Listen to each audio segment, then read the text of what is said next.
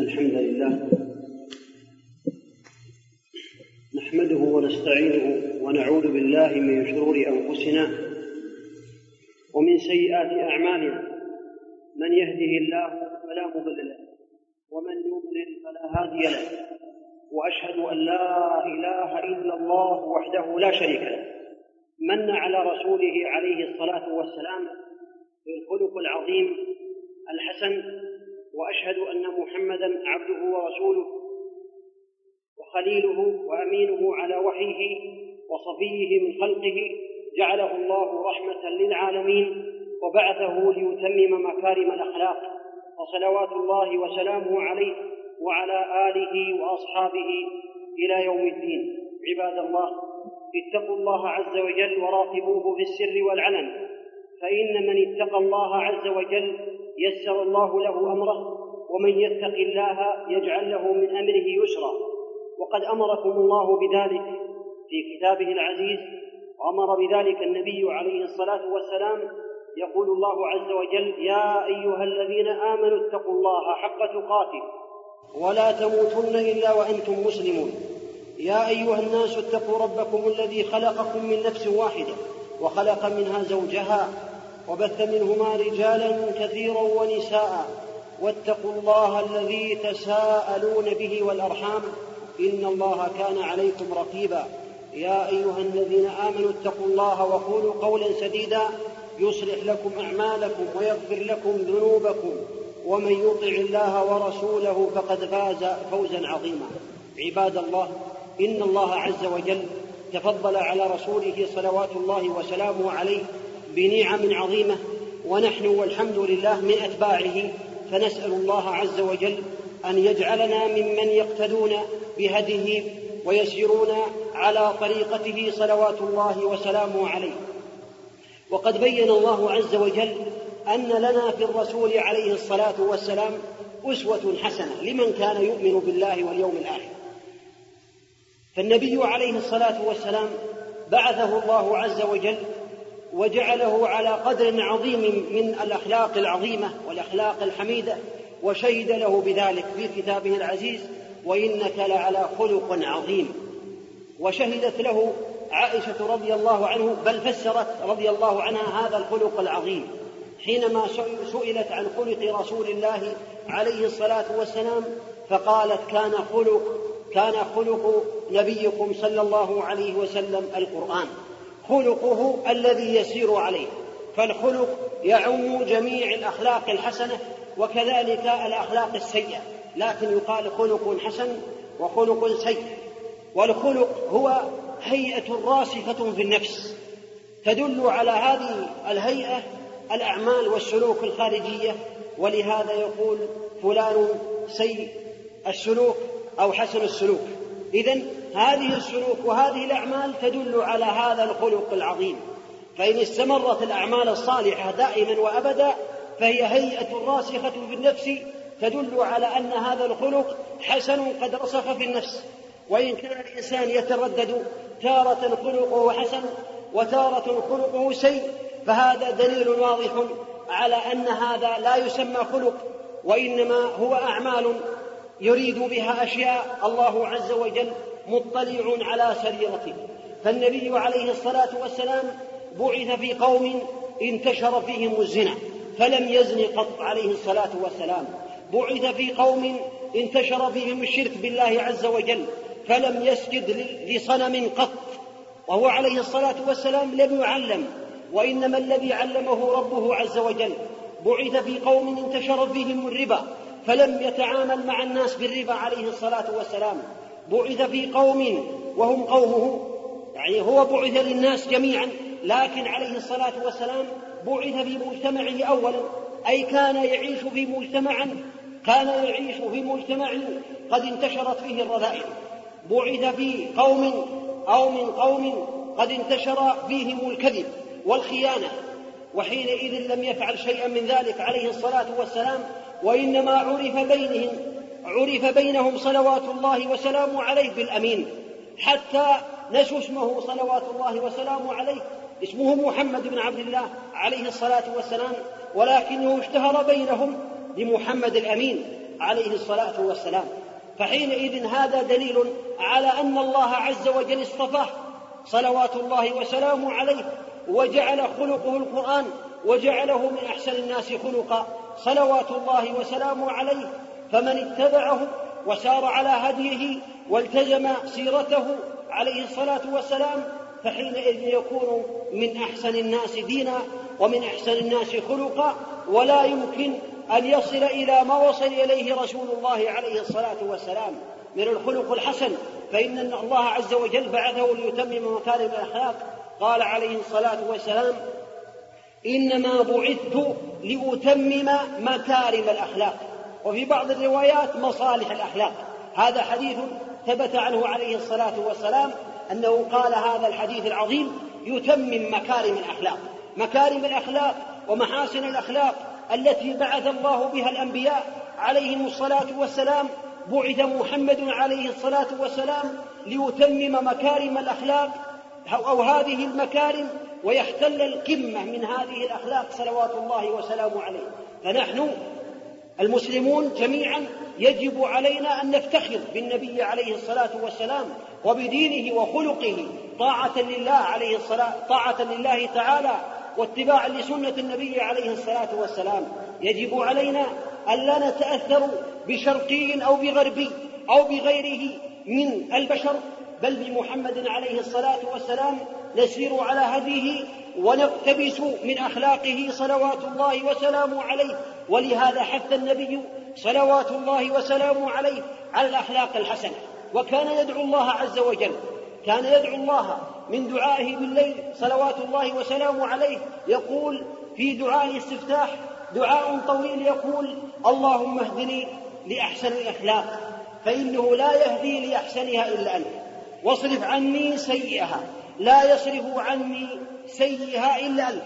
فالنبي عليه الصلاة والسلام كان يدعو ربه أن يهديه إلى أحسن الأخلاق ويدعوه أن يصرفه عن مساوي الأخلاق.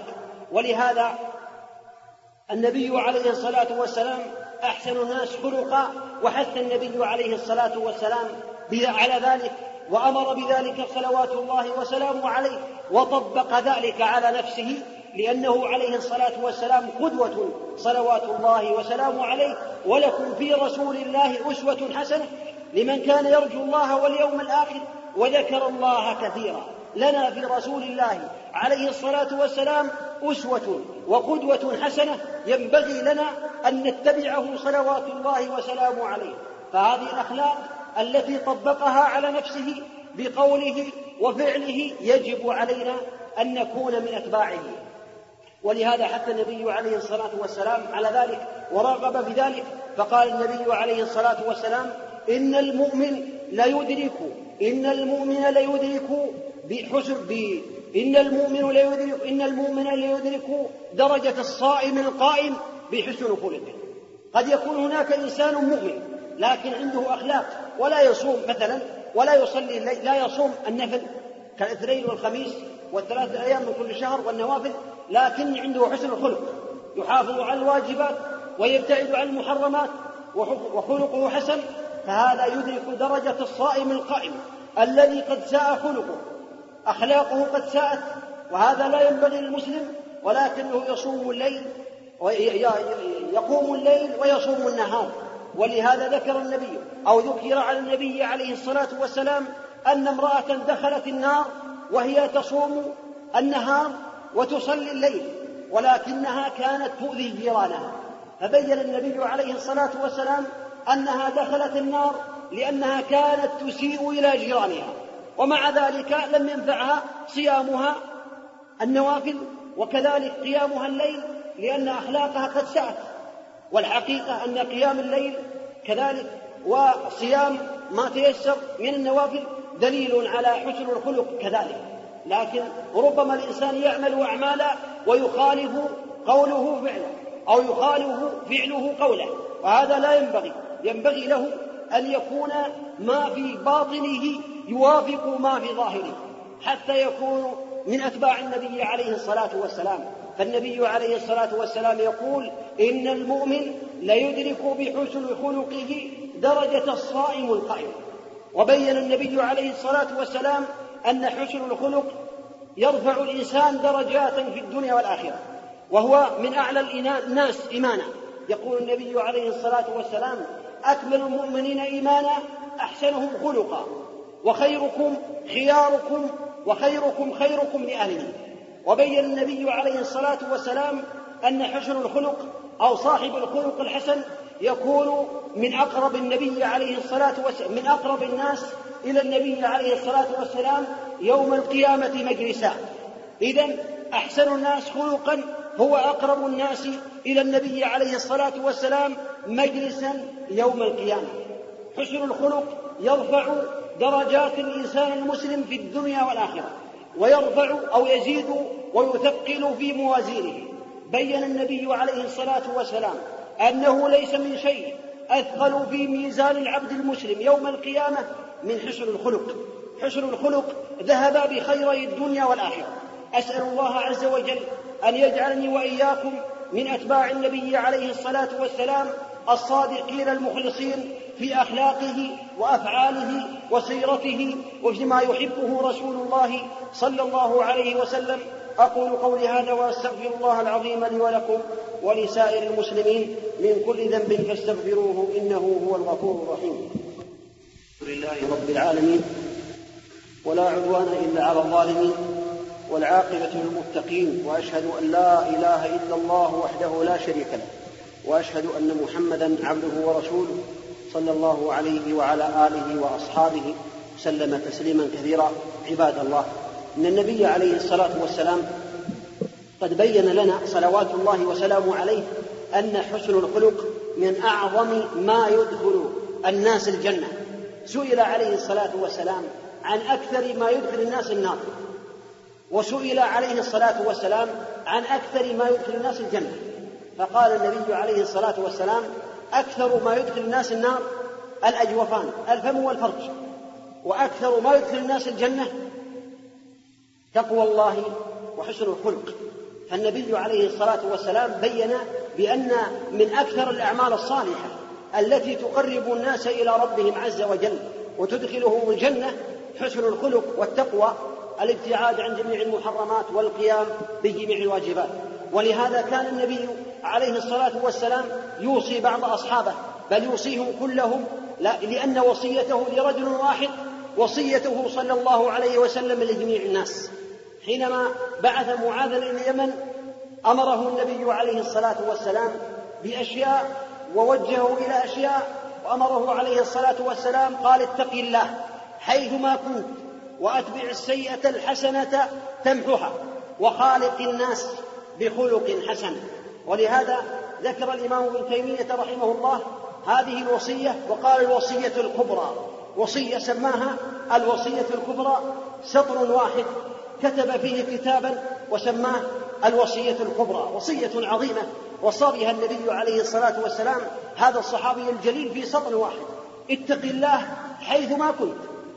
وأتبع السيئة الحسنة تمحها. وخالق الناس بخلق حسن. فالخلق الحسن هو الذي يعود على الإنسان بالسعادة في الدنيا والآخرة وهو يعم جميع الأعمال الصالحة. جميع الأعمال لأن الله عز وجل جعل ذلك في كتابه وبينه النبي عليه الصلاة والسلام بقوله وفعله وبينته عائشة رضي الله عنها بتفسيرها. قالت كان خلق رسول الله أو نبيكم صلى الله عليه وسلم القرآن. فدل على دل ذلك على أن من تمسك بالدين على هدي النبي عليه الصلاة والسلام فقد حسن خلقه وهو من المتقين أصحاب الخلق الحسن. وهناك صور تدل أو تدل على أن النبي عليه الصلاة والسلام من أحسن الناس خلقا ولن يصل إلى ما وصل إليه أحد من خلق الله عز وجل. أبدا مطلقا لا يصل إلى ما وصل إليه النبي عليه الصلاة والسلام في أخلاقه ومعاملاته مع الناس أحد من خلق الله لا من الجن ولا من الإنس. ومن ذلك أنه عليه الصلاة والسلام كان يجاهد في سبيل الله ويرسل الغزوات فكان ممن يدعوهم إلى الإسلام وقد أعرضوا وصدوا عن دين الله عز وجل وتكبروا وطغوا رجل يقال له ذمامه من أهل اليمامة كما ذكر ذلك البخاري في صحيحه وغيره. كان رجل عظيم وسيد قومه ولم ينقض إلى النبي عليه الصلاة والسلام وكان أهل اليمامة أهل نجد من أتباعه. كانوا لم يلتفتوا إلى دعوة النبي عليه الصلاة والسلام بسبب سيدهم هذا العظيم. وفي يوم من الأيام أتى الله عز وجل بهذا الرجل معتمرا على طريقته وعلى دينه. فجاء به بعض أصحاب النبي عليه الصلاة والسلام وجدوه في الطريق فأسروه وأتوا به وأتوا به إلى المدينة وربطوه في سارية المسجد في السارية في العمود الذي يقوم عليه المسجد.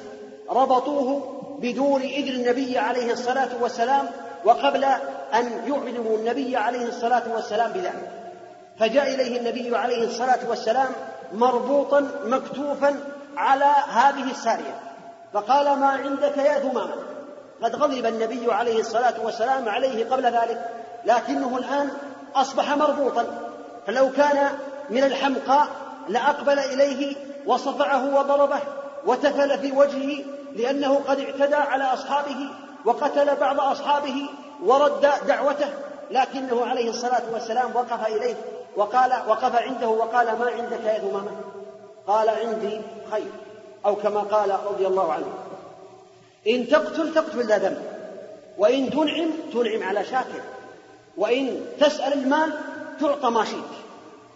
فتركه النبي عليه الصلاة والسلام وأعرض عنه تركه مربوطا ثم أتى إليه اليوم الثاني وهو لا يزال مربوطا على سارية المسجد قال ما عندك يا ذمامة؟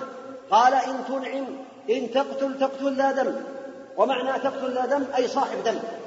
يعني هذا الرجل يعني معنى ذلك صاحب دم قد اعتدى وقد قتل. فأنت إن قتلته فأنت صاحب حق. أو قيل إن تقتل تقتل لا دم أي سيد في قومه مطاع في قومه له شأن عظيم. إذا إذا قتلته فقد حصلت على أمر عظيم. إن تقتل تقتل لا دم. وإن تنعم تنعم على شاكر. وإن تطلب من المال تعطى ما شئت. أو كما قال رضي الله عنه فتركه النبي عليه الصلاة والسلام مربوطا ثم أتيه أتى إليه باليوم الثالث. وحينما أتى إليه باليوم الثالث قال ما عندك يا ثمامة؟ قال عندي ما قلت لك إن تقتل تقتل لا دم وإن تنعم تنعم على شاكر وإن تطلب من المال أو تسأل من المال تعطى ما شئت. فأم أصدر النبي عليه الصلاة والسلام أمره الكريم فقال أطلقوا ثمامة أطلقوا.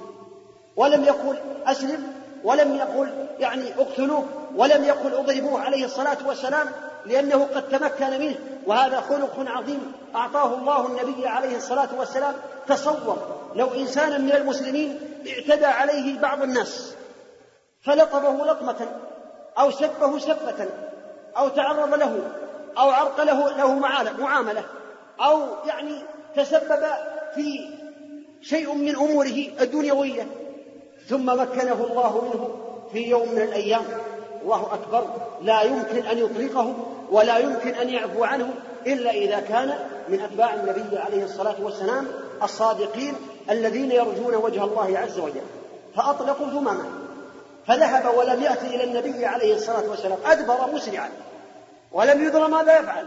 ثم ذهب إلى النخل واغتسل ثم أتى إلى النبي عليه الصلاة والسلام.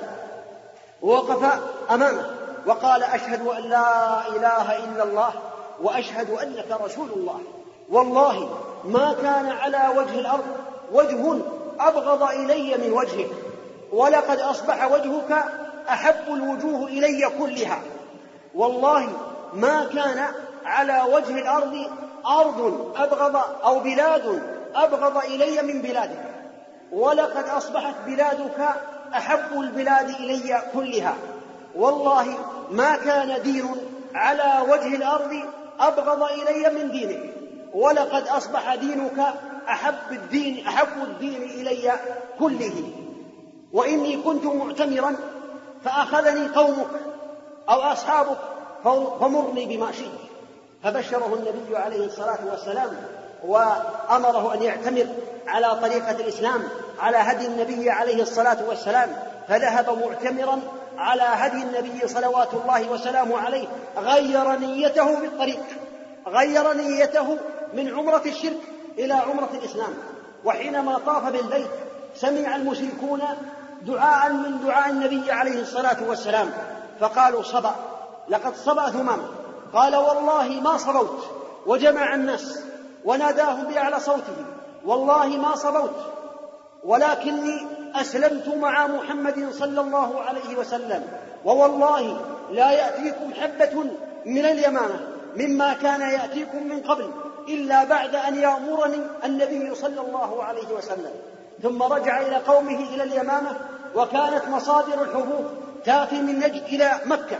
فأصدر أوامره للناس وقطع على مكة وأهلها الإمدادات من الغذاء الحبوب. فأصبح الناس يعني كادوا أن يموتوا جوعا حتى أصابهم سنين كما يقال كسنين يوسف أو كسبع يوسف عليه الصلاة والسلام. وأرسلوا إلى النبي عليه الصلاة والسلام يسألونه بالله والرحم ويقولون قتلتنا أو قتلت الرجال في بدر؟ وقتلت النساء والأطفال بالجوع فمر ثمامة ليرسل إلينا الحبوب. فأمر النبي عليه الصلاة والسلام في كتابه إلى ثمامة أن يرسل إليهم الحبوب وأن يفك الحصار. ففك الحصار رضي الله عنه وأرضاه. هذا رجل هو عظيم ولكن هذه العظمة وهذه وهذا الخلق العظيم كان مصدره وكان أساسه خلق النبي عليه الصلاة والسلام وإنعام النبي عليه الصلاة والسلام وحينما أرتد المرتدون في عهد أبي بكر رضي الله عنه كان هذا الرجل من المقاتلين في حق في في البحرين. وكان يقول ويردد أبياتا عظيمة يقول أهم بترك القول فيردني إنعام النبي محمد عليه الصلاة والسلام. أهم بترك القول ثم يردني عن ترك القول إنعام النبي محمد عليه الصلاة إنعام النبي محمد. يرده يتذكر هذا الإنعام العظيم فيزداد إيمانه ويزداد ثباته على دين محمد عليه الصلاة والسلام. ومن هذه الصور التي تدل على أن محمدا عليه الصلاة والسلام من أعظم الناس خلقا ولم يبلغ مبلغه في الخلق الحسن أحد من خلق الله. ما ثبت في البخاري أنه عليه الصلاة والسلام كان يسير يوما في طريقه فأتى إليه رجل وشد من الأعراب من البادية الجوفة وشده بإزاره حتى أثر أو حتى أثرت أو حتى أثر هذا الإزار في عنقه صلوات الله وسلامه عليه. شده شدا عظيما وقال مر لي من مال الله فإنك لا تأمر من مالك ولا من مال أبيك. أعطني من هذا المال. وشده عليه الصلاة والسلام ببردته شدا عظيما. فكان الصحابة ينظرون إليه حتى قال بعضهم دعني يا رسول الله دعني يا رسول الله أضرب عنقه. فأمر له النبي عليه الصلاة والسلام بعطاء وتركه عليه الصلاة والسلام. ضحك عليه الصلاة والسلام وتبسم وأمر له بعطاء. كما قال تصور لو إنسانا عنده يعني مال أو عنده يعني بعض المال أو أمين مستودع أو غير ذلك ثم أتى إليه إنسان من الشارع فقير وشده بعنقه شدا عظيما وقال هذا المال ليس من مالك ولا من مال أبيك وإنما هذا المال من مال الدولة. أعطني كذا وكذا. ليس من مالك ولا من مال أبيك. تصور ماذا يفعل؟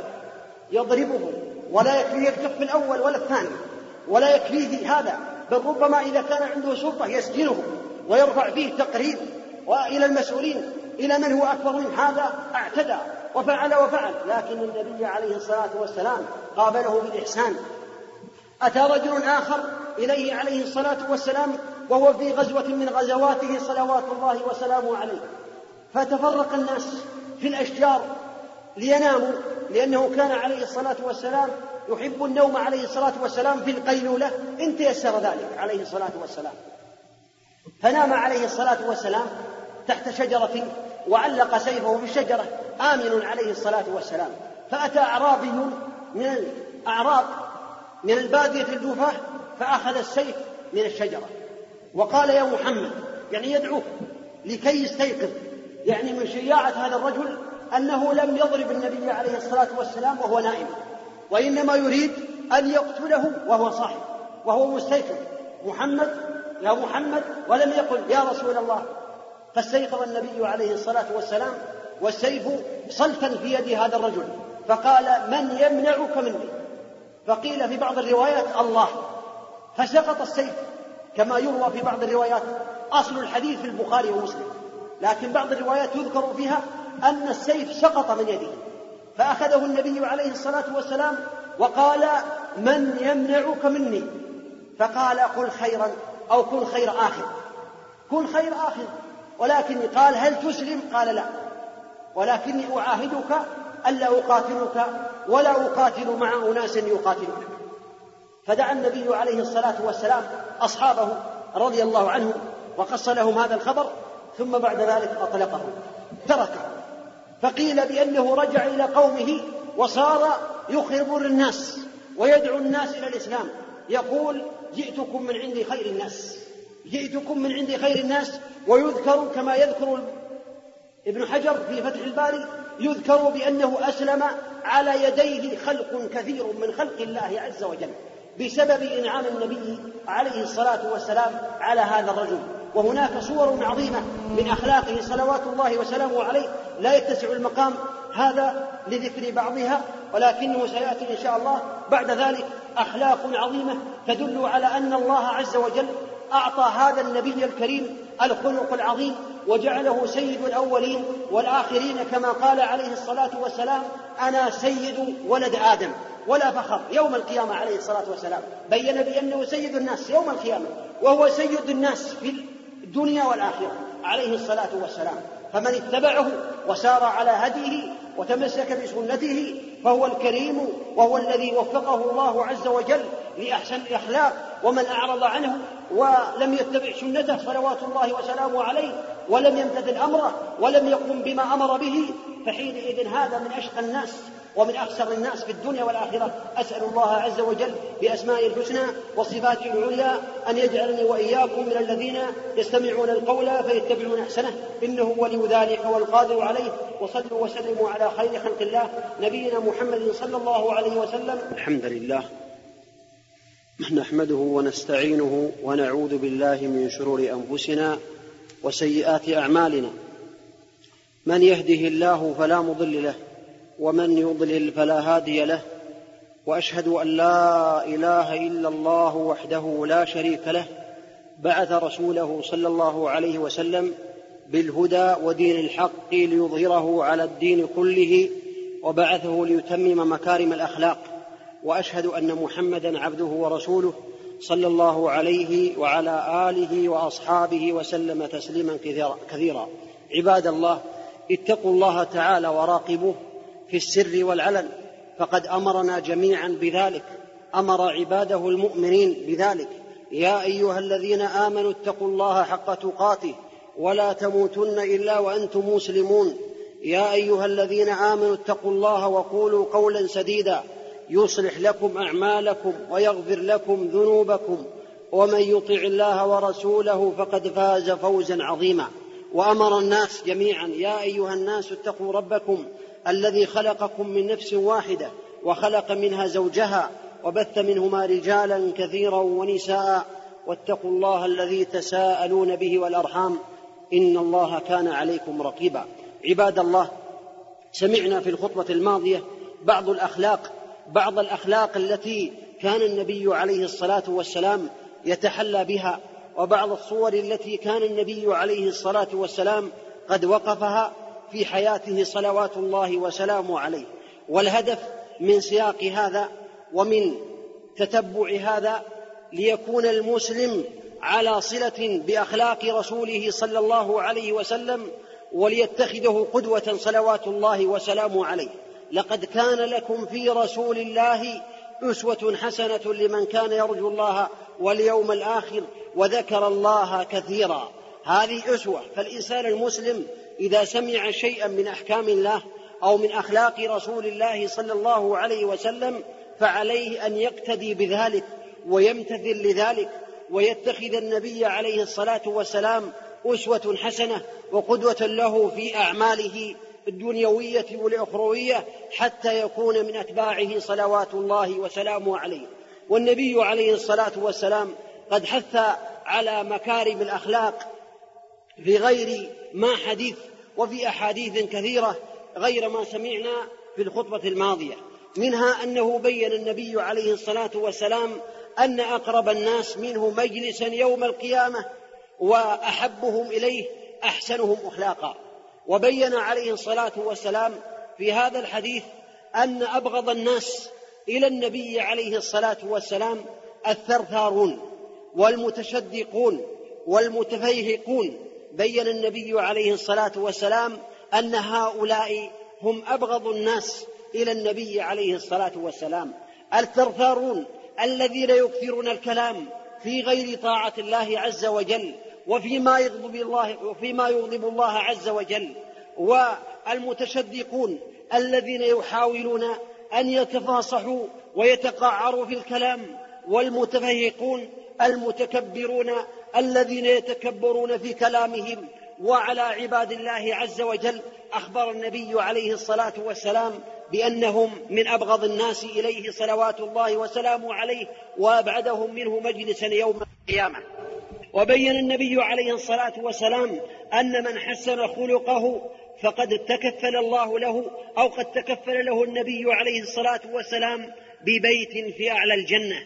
يقول النبي صلوات الله وسلامه عليه أنا زعيم ببيت في ربض الجنة لمن ترك المراء وإن كان محقا. المراء المجادلة. إذا كان المسلم يجادل ورأى بأن الجدال بالتي أحسن لا يجدي في الإنسان ولا ينفع فحينئذ لا فائدة في الاستمرار في الجدال فيترك الجدال. إن علم بأنه لا يكون يعني لا يكون مجديا فهذا قد بين النبي عليه الصلاة والسلام أن له بيتا في ربض الجنة وبين النبي عليه الصلاة والسلام قال وأنا زعيم ببيت في وسط الجنة لمن ترك الكذب وإن كان مازحا. وببيت في أعلى الجنة لمن حسن خلقه. البيت الأعلى في أعلى الجنة تكفل النبي عليه الصلاة والسلام به لمن حسن خلقه لأنه كان قدوة له صلوات الله وسلامه عليه. اتخذ النبي عليه الصلاة والسلام قدوة فتكفل له النبي عليه الصلاة والسلام ببيت في أعلى الجنة. وبين النبي عليه الصلاة والسلام أن البر وهي الأعمال الصالحة الجامعة أن البر حسن الخلق. البر حسن الخلق قال البر حسن الخلق. وبين النبي عليه الصلاة والسلام في أحاديث كثيرة لا يتسع المقام لذكرها في ترغيب في حسن الخلق. ومن ذلك أنه عليه الصلاة والسلام قال في الحديث العظيم الذي يبين أن الإنسان إذا كظم الغيظ كان ذلك خيرا له عند ربه تبارك وتعالى في الدنيا والآخرة. يقول النبي عليه الصلاة والسلام من كظم غيظا وهو قادر على أن ينفذه من كظم غيظا وهو قادر على أن ينفذه خيدعاه الله عز وجل على رؤوس الأشهاد يوم القيامة حتى يخيره من الحور ما شاء. رواه أبو داود بإسناد جيد. هذا الحديث يبين أن من ترك الغيظ أو من كظم الغيظ لله عز وجل وهو قادر على أن ينفض غيظه وغضبه وينفذ عقوبته لكنه ترك هذا ابتغاء وجه الله عز وجل فحينئذ جزاؤه وثوابه أو من جزائه ومن ثوابه أن الله عز وجل يدعوه على رؤوس الخلائق فيخيره من الحور ما شاء كما بين النبي صلوات الله وسلامه عليه. فالمسلم عليه أن يكون أن يكون له قدوة حسنة وهو النبي عليه الصلاة والسلام. وهناك بعض الصور التي لم تذكر تدل على أن النبي عليه الصلاة والسلام بلغ مبلغا عظيما في الأخلاق الكريمة بلغ مبلغا عظيما في عفوه بلغ مبلغا عظيما في حلم في حلمه بلغ مبلغا عظيما في كرمه صلوات الله وسلامه عليه. ومن هذه الصور ما فعله عليه الصلاة والسلام مع من أتى إليه. فقد كان النبي عليه الصلاة والسلام كريما وكان يوزع ويعطي أصحابه صلوات الله وسلامه عليه ما لا يعطيهم غيره صلوات الله وسلامه عليه. ولكنه مع ذلك كان يراعي عليه الصلاة والسلام بعض الأحوال. شديد أو ضعيف الإيمان. حديث عهد بالإسلام. كافر يعني يرجى إسلامه. وغير ذلك كان يراعي ذلك عليه الصلاة والسلام ترغيبا في الإسلام وتأليفا للناس ودعوة لهم في الإسلام فكان بعض المنافقين وبعض ضعفاء الإيمان بل المنافقين حقيقة ينتقدون النبي عليه الصلاة والسلام ويتكلمون في عرضه صلوات الله وسلامه عليه. فكان عليه الصلاة والسلام بعد غزوة حنين كان يوزع أموالا طائلة أعطى بعض الناس منهم الأقرع بن حابس مئة من الإبل والثاني والثالث فسمع بعض الصحابة رضي الله عنهم أن بعض المنافقين تكلم في عرض النبي عليه الصلاة والسلام وقال هذه قسمة ما عدل فيها وما أريد بها وجه الله تعالى. فاستلحقه النبي عليه الصلاة والسلام وبين أنه إن لم يعدل إن لم يعدل الله ورسوله فمن يعدل من يعدل؟ ثم قال عليه الصلاة والسلام رحم الله موسى فقد أوذي بأكثر من ذلك فصبر عليه الصلاة والسلام. ولم يعاقبه ولم يقتله صلوات الله وسلامه عليه ولم يحبسه بل تركه عليه الصلاة والسلام. وقال رحم الله موسى فقد أوذي بأكثر من هذا فصبر. وآذاه قومه صلوات الله وسلامه عليه فكان يدعو لهم صلوات الله وسلامه عليه. يدعو لهم كثيرا صلوات الله وسلامه عليه. كان يمسح الدم كان يمسح الدم مع وجهه ويقول اللهم اغفر لقومي فإنهم لا يعلمون. تصور لو كان هناك إنسان مسلم يدعو إلى الله عز وجل ويعني يراغب الناس في الخير فأتى إليه جماعة ممن يدعوهم فضربوه وطعنوه وعذبوه تصوروا ماذا يفعل؟ هل يقول اللهم اغفر لهم فإنهم جهلاء؟ لا يعلمون. سيدعو عليهم وينتقم منهم إن كان له قوة وسلطة. لكن النبي عليه الصلاة والسلام كان يمسح الدم عن وجهه ويقول اللهم اغفر لقومي فإنهم لا يعلمون. وكما ثبت في الصحيح أنه أتى إليه ملك الجبال وقال ما تريد؟ تريد أن نطبق عليهم الأخشبين. فعلنا. فقال النبي عليه الصلاة والسلام لا لعل الله أن يخرج من أصلابهم من يعبد الله ولا يشرك به شيئا. أو كما قال النبي صلوات الله وسلامه عليه ومن صور أخلاقه العظيمة. ما ثبت في الصحيح البخاري ومسلم أنه أن علي بن أبي طالب رضي الله عنه بعث بذهب من اليمن إلى النبي عليه الصلاة والسلام فوزعه النبي عليه الصلاة والسلام وقسمه بين أربعة نفر من من يرجى أو ممن يخاف أن يرتدوا عن على أعقابهم. منهم الأقرع بن حابس رضي الله عنه وأرضاه وغيره ممن كان ممن كانوا له سلطة ممن كان له سلطة في قومه وممن يخشى أن يرتد على عقبيه. فوزع النبي عليه الصلاة والسلام هذه الأموال فقال بعض المنافقين هذه قسمة ما عدل فيها. هذه قسمة ما عدل فيها. فقال النبي عليه الصلاة وقال للنبي عليه الصلاة والسلام يا رسول الله يا رسول الله اتق الله.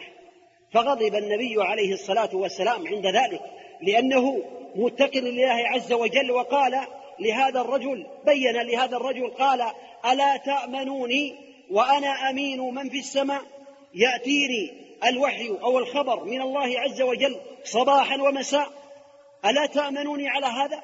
معنى ذلك أن هذا الأمر الذي فعله النبي عليه الصلاة والسلام هو بأمر من الله عز وجل. وما ينطق عن الهوى إن هو إلا وحي يوحى. ثم بعد ذلك كان حاضر من الصحابة كان من الصحابة من الحضور رجل خالد بن الوليد رضي الله عنه وهو معروف عند الجميع فقال النبي فقال للنبي عليه الصلاة والسلام يا رسول الله دعني أضرب عنقه بسيفي. فقال النبي عليه الصلاة والسلام دعه لعله أن يكون يصلي. فقال خالد رضي الله عنه وكم من مصل يقول بلسانه يقول بلسانه ما لم يفعل أو كما قال رضي الله عنه. فقال النبي عليه الصلاة والسلام إني لم أمر أن أنقب عن قلوب الناس أن أنقب عن قلوب الناس ولا عن صدورهم. معنى ذلك أنه عليه الصلاة والسلام يأخذ بالظاهر وهذا دين الإسلام. لنا الظاهر والباطن والخافي لله عز وجل ما ظهر لنا لنا من الأعمال الصالحة ومن القربات ومن الأخلاق الحسنة فهذا لنا نأخذ به. وما لم يظهر لنا فهو لله عز وجل لأنه يعلم خائنة الأعين. وما تخفي الصدور فإنه قال كم من مصل يقول بلسانه ما لم يفعل فقال إني لم أمر أن أنقب عن قلوب الناس ولا عن صدورهم. صلى الله عليه وعلى آله وأصحابه. صلى الله عليه صلى, صلى الله عليه وسلم تسليما كثيرا كانت أخلاقه عالية. صلوات الله وسلامه عليه. أسأل الله عز وجل باسمائه الحسنى وصفاته العليا أن يجعلني وإياكم وسائر المسلمين من أتباعه المخلصين الصادقين. إنه ولي ذلك والقادر عليه. أقول قولي هذا وأستغفر الله العظيم لي ولكم ولسائر المسلمين من كل ذنب فاستغفروه إنه هو الغفور الرحيم. الحمد لله رب العالمين ولا عدوان إلا على الظالمين والعاقبة للمتقين وأشهد أن لا إله إلا الله وحده لا شريك له وأشهد أن محمدا عبده ورسوله صلى الله عليه وعلى آله وأصحابه وسلم تسليما كثيرا. عباد الله إن الأخلاق التي يسمعها المسلم تساق في النبي عليه الصلاة والسلام أو من أخلاق النبي عليه الصلاة والسلام. ينبغي للمسلم أن يطبق ذلك على نفسه. كل حادثة تحدث له كل عمل يصادفه أو يقابله عليه أن يتخذ من النبي عليه الصلاة والسلام قدوة حسنة له حتى يكون على هدى حتى يكون من أتباع النبي صلوات الله وسلامه عليه. ومن هذه الصور العظيمة ما فعله عليه الصلاة والسلام مع بعض اليهود. أتى إليه زيد بن سعنة اليهودي رضي الله عنه وأرضاه. أتى إلى النبي عليه الصلاة والسلام. يختبره يختبره قال لقد رأيت علامات النبوة أو ما من علامات النبوة إلا وقد رأيتها اتصف بها النبي عليه الصلاة والسلام إلا خصلتين إلا أمرين لم أرهما ولم أعلمهما يسبق حلمه جهله ولا تزيده شدة الجهل إلا حلما. فجاء إلى النبي عليه الصلاة والسلام وكان يطلبه دينا كان قد أقرضه دينا. الله أعلم ربما يكون ذلك اختبارا للنبي عليه الصلاة والسلام وكان بينه وبين النبي عليه الصلاة والسلام موعدا يعني محددا أجلا مسمى بين النبي عليه الصلاة والسلام وهذا اليهودي فسبق اليهودي هذا الموعد ولم يتأخر إلى الموعد الذي بينه وبين النبي عليه الصلاة والسلام. سارع وجاء إلى النبي عليه الصلاة والسلام في جمع من أصحابه ومسكه بتلابيبه وجره وقال يا محمد ألا تقضيني؟ فإني لم أعلم أنكم يا بني عبد المطلب إلا قوم مطل. مطل يعني تماطلون في القضاء ولا تقضون. ثم شده شد النبي عليه الصلاة والسلام وكان بجانب النبي عليه الصلاة والسلام عمر فنظر إليه قال نظر إليه وعيناه تدوران في رأسه كالفلك وقال يا عدو الله. والله لولا ما أحاذر من غضب رسول الله صلى الله عليه وسلم لرمتك بسيفي هذا. تفعل ما أقول تفعل ما أرى وتقول ما أسمع يا عدو الله. فقال النبي عليه الصلاة والسلام له يا عمر ما كان ينبغي لك أن تقول أن تأمرني إلا أن تأمرني بحسن الأداء وتأمره بحسن التقاضي. اذهب يا عمر فاقضه وزده عشرين صاعا من تمر. مكان ما رعته. يعني إكراما لهذا الرجل لأن عمر حينما نظر إليه وكاد أن يقتله لولا أمر النبي لولا أمر النبي عليه الصلاة والسلام راعه وفجعه. فأمره النبي عليه الصلاة والسلام أن يقضيه وأن يزيده عشرين صاعا. فذهب به وقضاه وزاده عشرين صاعا من تمر. فحينما زاده قال ما هذا يا عمر؟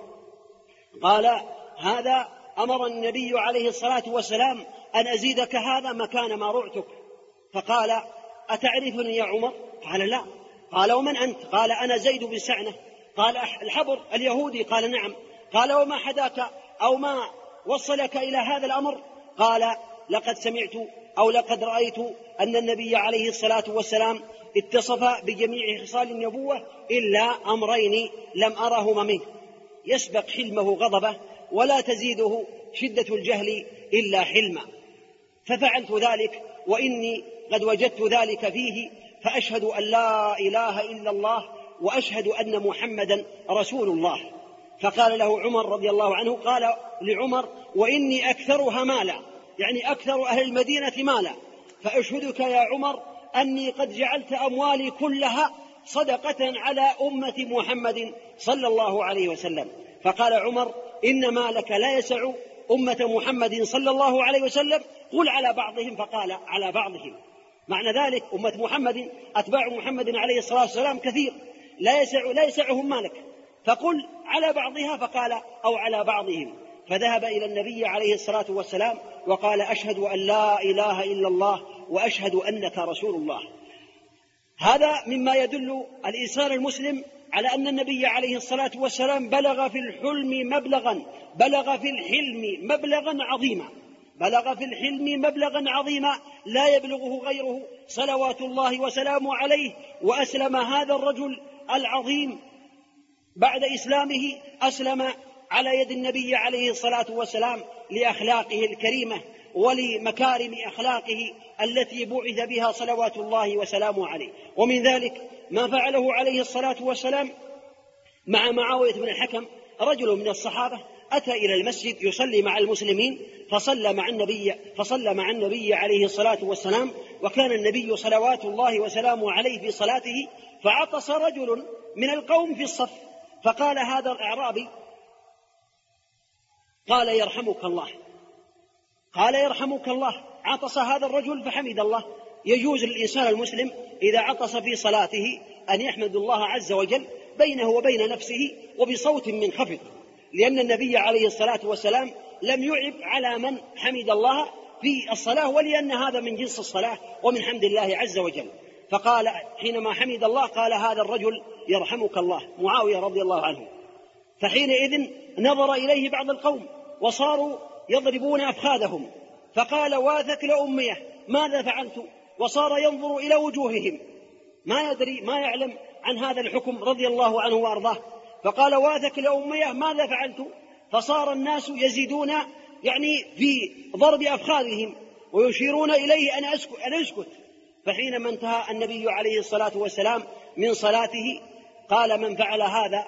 فأخبروه فأتى إليه وعلمه عليه الصلاة والسلام قال فبأبي وأمي هو لم يكهرني ولم يضربني ولم يؤنبني وإنما قال إن هذه الصلاة مما إن هذه الصلاة لا يصلح فيها شيء من كلام الناس.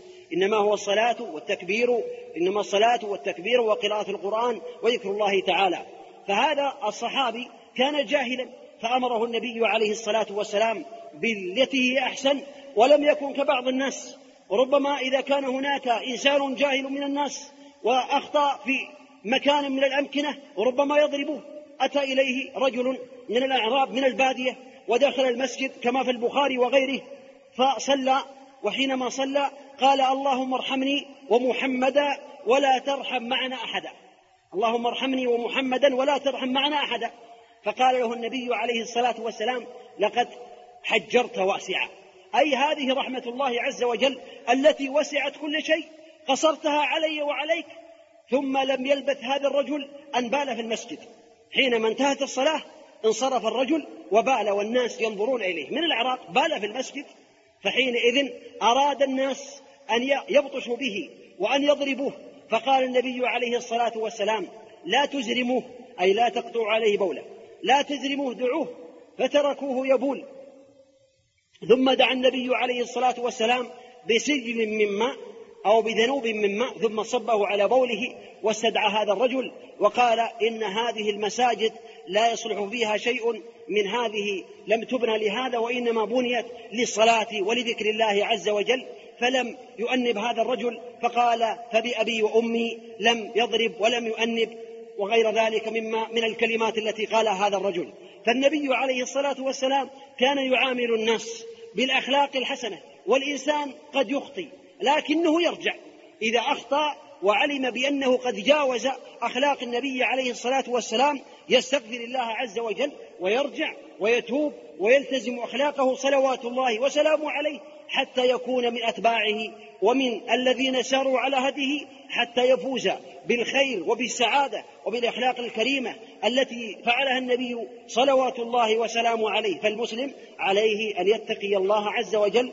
ويتخذ النبي عليه الصلاة والسلام أسوة حسنة في أخلاقه في أعماله في معاملاته في كلامه في مشيه في حركاته في عباداته لأنه عليه الصلاة والسلام قد يعل القرآن أخلاقه كما قالت عائشة رضي الله عنه عنها وكما سمعتم كان خلق نبيكم صلى الله عليه وسلم القرآن.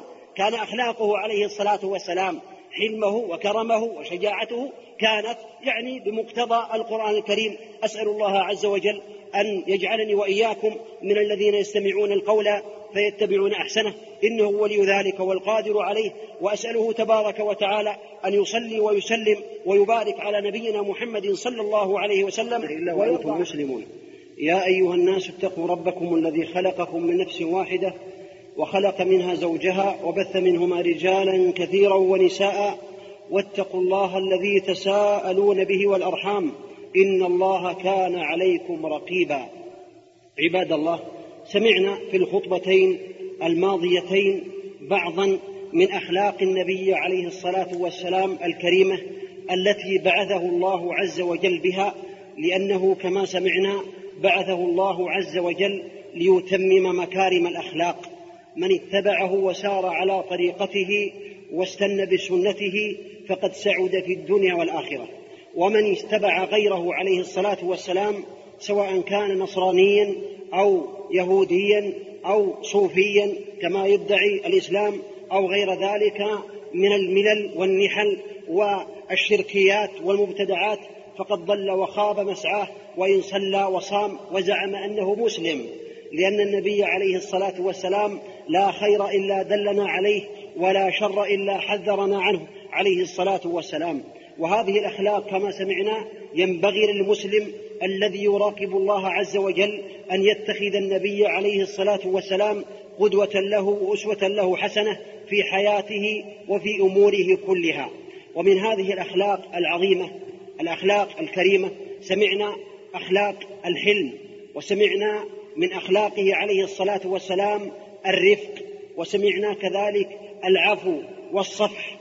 ومن هذه الأخلاق أخلاقه عليه الصلاة والسلام وهي تتبع أخلاق العفو والصفح وعدم العجلة والتأني في الأمور ولم يعجل عليه الصلاة والسلام في أموره إلا بعد أن يراها حقا عليه الصلاة والسلام. من هذا أنه قدم رجل من دوس إلى النبي عليه الصلاة والسلام في مكة وهو الطفيل بن عمرو الدوسي. قدم من بلاده بلاد دوس إلى النبي عليه الصلاة والسلام ولم يقصد النبي عليه الصلاة والسلام وإنما قصد مكة. وحينما أتى إلى مكة قال له قريش المشركون قالوا إن هذا الرجل ساحر وإنك إذا سمعته رق قلبك له واتبعت دينه. فهذا الرجل يفرق بين المرء وزوجه وبين المرء وأخيه. فننصحك ونناشدك ألا تستمع إلى كلمة واحدة منه فإنه يأتي إليه الرجل الحازم العاقل فحينئذ يسحره ويتبعه. قال فخفت وأخذت كرسفا أي قطنا وسددت أذني. قلت خفت على نفسي. قال سددت أذني بالقطن. وأتيت إليه فرأيته يتكلم. فقلت في نفسي أنا رجل شاعر ورجل عاقل. إن سمعت كلاما طيبا أخذته وإن سمعت كلاما غير طيب لا يليق تركته. ولماذا أشد أذني؟ قال ففككت القطن أو الكرسف عن أذني. قال فسمعت كلاما عظيما كلاما كريما وعلمت أن الله عز وجل أرسله وأنه نبي من عند الله عز وجل. فتبعته إلى البيت فتبعته إلى البيت تبعته إلى البيت ودخلت عليه فقلت إن قومي قالوا وقالوا وإني سمعتك تقول كذا وكذا فأخبرني عن دينك. قال فأمرني بشرائع الإسلام وأخبرني بأمور الدين وأسلم رضي الله عنه وأرضاه. لأنه عاقل. قال إن سمعت كلاما طيبا أخذته وقبلته وإن سمعت كلاما سمعت كلاما غير طيب وغير صالح تركته. قال فحينئذ أسلم رضي الله عنه لأنه سمع كلاما طيبا كلاما عظيما كلام النبي عليه الصلاة والسلام. فقال يا رسول الله إني رجل مطاع في قومي فمرني بدعوتهم أو كما قال رضي الله عنه. واجعل لي آية. فأمره النبي عليه الصلاة والسلام وجعل له قال اللهم اجعل له آية. فحينئذ حينما نزل من جبال الطائف أو أشرف على قومه جعل الله له نورا بين عينيه. فقال اللهم ربي في غير هذا الموضع فإن قومي سيقولون هذا مثله. فتحول هذا النور العظيم من بين عينيه وصار في راس صوته. راس صار في رأس العصا يضيء له كالقنديل العظيم. فأقبل إلى قومه وأتى إليه أبوه ودعاه إلى الإسلام وأسلم وأمه كذلك وزوجته كذلك ودعا قومه إلى الإسلام. دعاهم إلى الإسلام فأبوا عليه وكفروا وطغوا وتكبروا فأتى إلى النبي عليه الصلاة والسلام وهو في مكة لم يهاجر فقال يا رسول الله إن دوسا كفروا وطغوا وتجبروا فادعوا الله عليهم. فاستقبل القبلة عليه الصلاة والسلام. ورأى الناس بأن دوسا قد هلكوا وماتوا. قبيلة دوس المعروفة ولا زالت إلى الآن. قال فاستقبل القبلة النبي عليه الصلاة والسلام ورفع يديه وقال الناس ويل دوس أو هلك الدوس وينتظرون كلام النبي عليه الصلاة والسلام. فقال اللهم اهد دوسا اللهم اهد دوسا وأت بهم مسلمين. عليه الصلاة والسلام. قال فرجع رضي الله عنه وأمره بالرجوع عليه الصلاة والسلام. فلو كان من بعض الناس المستعجلين حينما يوصف له بعض القرى أو بعض القبائل أو بعض المدن بالكفر والطغيان والاستمرار في الربا والزنا وغير ذلك مما حرم الله عز وجل وأكبر من ذلك الشرك وجاء الداعية إلى بعض الناس وسألهم أن يدعوا عليهم لدعوا عليهم. لكن النبي عليه الصلاة والسلام لم يعجل عليه الصلاة والسلام وتريث واستقبل القبلة وقال اللهم اهد دوسا وأت بهم مسلمين. فرجع إلى دوس رضي الله عنه وأرضاه ودعاهم إلى الإسلام وهاجر النبي عليه الصلاة والسلام إلى المدينة. وفات عمرو رضي الله عنه فات عمرا رضي الله عنه بدر والخندق بدر وأحد والخندق. ثم أتى رضي الله عنه بتسعين بيتا. تصور أتى إلى النبي عليه الصلاة والسلام لم يسلم معه إلا أبوه وأمه وزوجته. ورجع إليه المرة الأخرى بعد دعوة النبي عليه الصلاة والسلام ثمانون أو تسعون بيتا. أسر. أتت إلى النبي عليه الصلاة والسلام قد أسلموا وانقادوا لأوامر الله عز وجل بسبب عدم عجلة النبي عليه الصلاة والسلام. لأن بعض الناس يستعجل. عنده العجلة والعجلة خلق الإنسان من عجل لكن على الإنسان أن يتريث ويتعلم يتعلم الرفق في الأمور يتعلم عدم العجلة فإن العجلة ما كانت في شيء إلا غيرته كما قال النبي عليه الصلاة والسلام فيما سيأتي إن شاء الله. إذا هذا الشاهد من أخلاق النبي عليه الصلاة والسلام رفقه وعدم عجلته عليه الصلاة والسلام ورحمته بالناس فإنه لم يدع عليهم وإنما دعا لهم صلوات الله وسلامه عليه. فأتوا فعوضه الله عز وجل على هذا الرفق العظيم أو بهذا الرفق العظيم عوضه الله بتسعين أسرة من هؤلاء الناس أسلموا ودخلوا في دين الله عز وجل. ومن هذا الكرم أو من هذا أو من هذه الأخلاق العظيمة التي اتصف بها النبي عليه الصلاة والسلام ما فعله مع بعض الناس. هذا يدل على رفقه صلوات الله وسلامه عليه ورحمته بالناس. أتى إليه بعض الشباب قد أسلم وانقاد إلى الإسلام فجاء إلى النبي عليه الصلاة والسلام وقال يا رسول الله إني قد أسلمت وأشهد أن لا إله إلا الله وأنك رسول الله والتزمت بجميع أوامر الإسلام إلا أمرا واحدا. ذلي فيه يا رسول الله اسمح لي فيه معنى كلامه. فقال يا رسول الله إلا أمرا واحدا وهو الزنا. ذلي في الزنا. التزم بأوامر الإسلام كلها إلا الزنا فلم يلتزم به. فحينئذ لم يكن من النبي عليه الصلاة والسلام إلا أن قال دنه يعني اقرب فدنا منه رضي الله عنه وأرضاه. فقال أتحبه لأمك؟ قال أعوذ بالله يا رسول الله. قال تحبه لأختك قال أعوذ بالله يا رسول الله يا رسول الله. قال تحبه لعمتك؟ قال أعوذ بالله يا رسول الله. قال تحبه لخالتك؟ قال أعوذ بالله يا رسول الله. قال ادعوا لي يا رسول الله. فجعل يده على صدره وقال اللهم طهر قلبه اللهم طهر قلبه وحصن فرجه.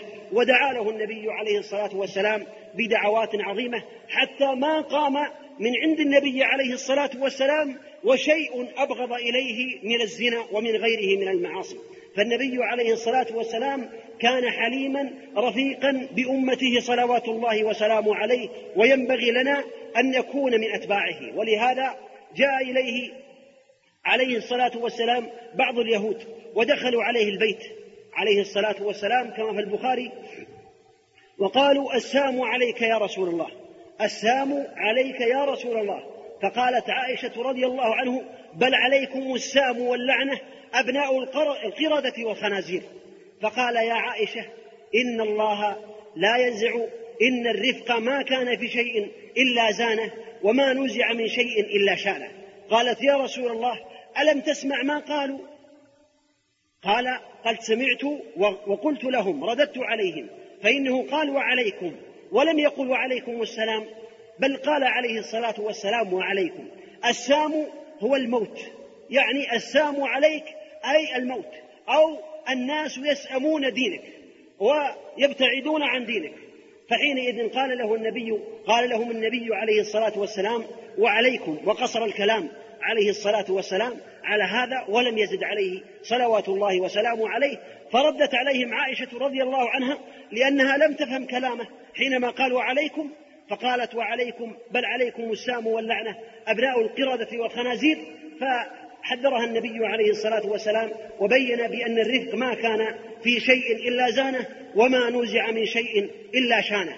ومن يحرم الرفق يحرم الخير كله يحرم الخير كله كما بينه النبي عليه الصلاة والسلام. فعلى المسلم أن يكون رفيقا حليما متأنيا في أموره حتى لا يخالف هدي النبي عليه الصلاة والسلام في أموره. صلوات الله وسلامه عليه.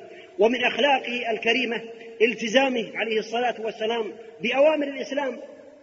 فإنه عليه الصلاة والسلام وإن كان رفيقا وإن كان رحيما وإن كان عفوا عليه الصلاة والسلام فإنه مع ذلك لا تأخذه في الله لومة, لائم.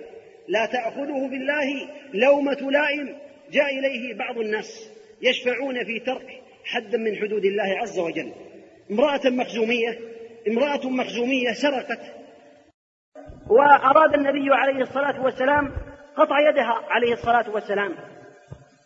فقال قريش من يجرؤ ومن يأتي إلى النبي عليه الصلاة والسلام إلا حبه وابن حبه وهو أسامة بن زيد رضي الله عنه لعله يشفع في ترك قطع يدها فجاء إليه رضي الله عنه جاء إلى النبي عليه الصلاة والسلام وكلمه فيها وهو أراد قطع يدها أراد قطع يدها فغضب النبي عليه الصلاة والسلام. فقال الصحابي رضي الله عنه استغفر لي يا رسول الله استغفر لي. علم بأن النبي عليه الصلاة والسلام غضب عليه. فتركه النبي عليه الصلاة والسلام وقال له أتشفع في حد من حدود الله? ثم ترك الناس وفي العشي عليه الصلاة والسلام صعد المنبر وخطبهم صلوات الله وسلامه عليه وقال أيها الناس إن من كان قبلكم كان إذا سرق فيهم القوي تركوه وإذا سرق فيهم الضعيف أقاموا عليه الحد. والذي نفسي بيده لو أن فاطمة بنت محمد صلى الله عليه وسلم سرقت لقطع, يد لقطع محمد يدها.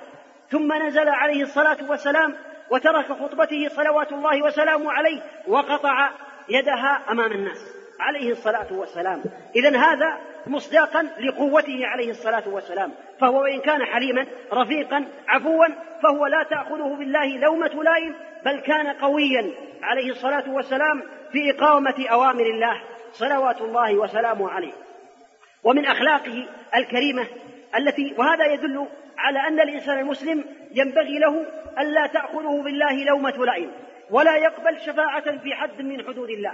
فإن بعض الناس إذا زنى بعض الناس أو سرق أو شرب الخمر أو روج المخدرات أو فعل بعض الجرائم رأيت بعض الكبراء وبعض الناس الذين يدعون العلم تراهم بمشالحهم أمام أبواب المحاكم وغير ذلك من المسؤولين يشفعون. لماذا؟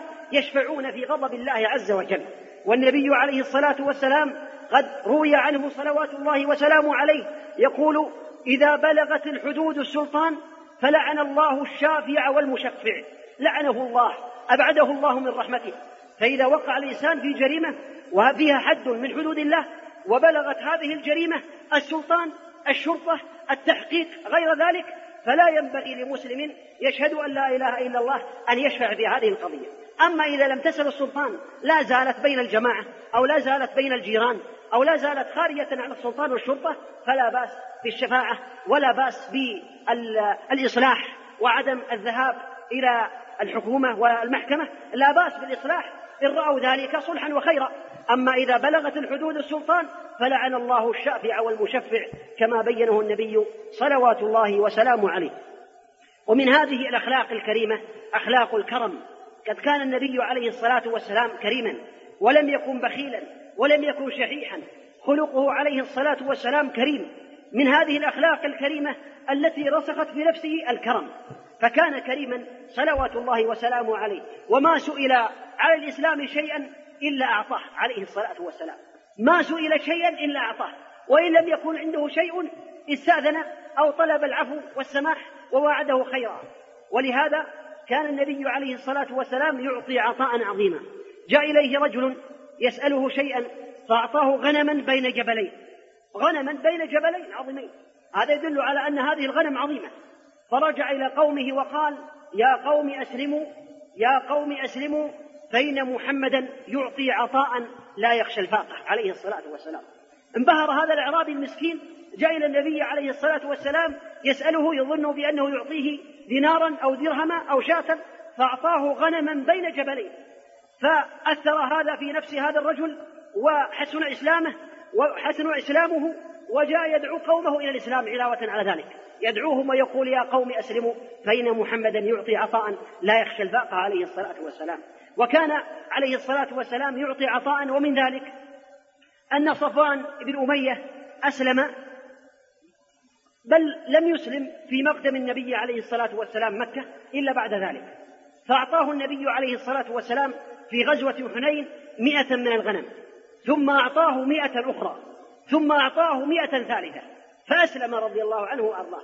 قال والله ما كان أبغض يعني ما كان أحد أبغض من محمد صلى الله عليه وسلم إلي فما زال يعطيني حتى والله ما كان على وجه الأرض أحد أحب إلي منه.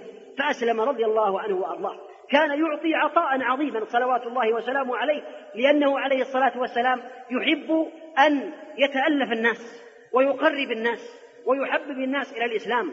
وكان قصده وهدفه وجه الله عز وجل لا رياء ولا سمعة ولا غير ذلك مما يفعله بعض الناس. فبعض الناس عنده كرم وعنده جود لكن لا يقال له كرم ولا يقال له جود لأنه لغير الله عز وجل. يقال له تبذير يقال له إسراف يقال له بذخ يقال له كبرياء يقال له رياء. فإذا كان الكرم أو كان العطاء لا يقصد به وجه الله عز وجل وإنما يقصد به الرياء والسمعة.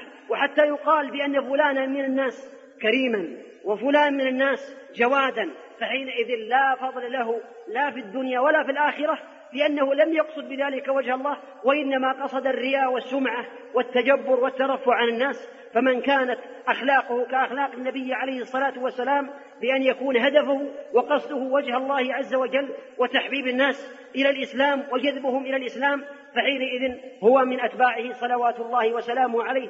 أسأل الله عز وجل بأسمائه الحسنى وصفاته العليا أن يجعلني وإياكم من أتباعه الصادقين المخلصين. إنه ولي ذلك والقادر عليه.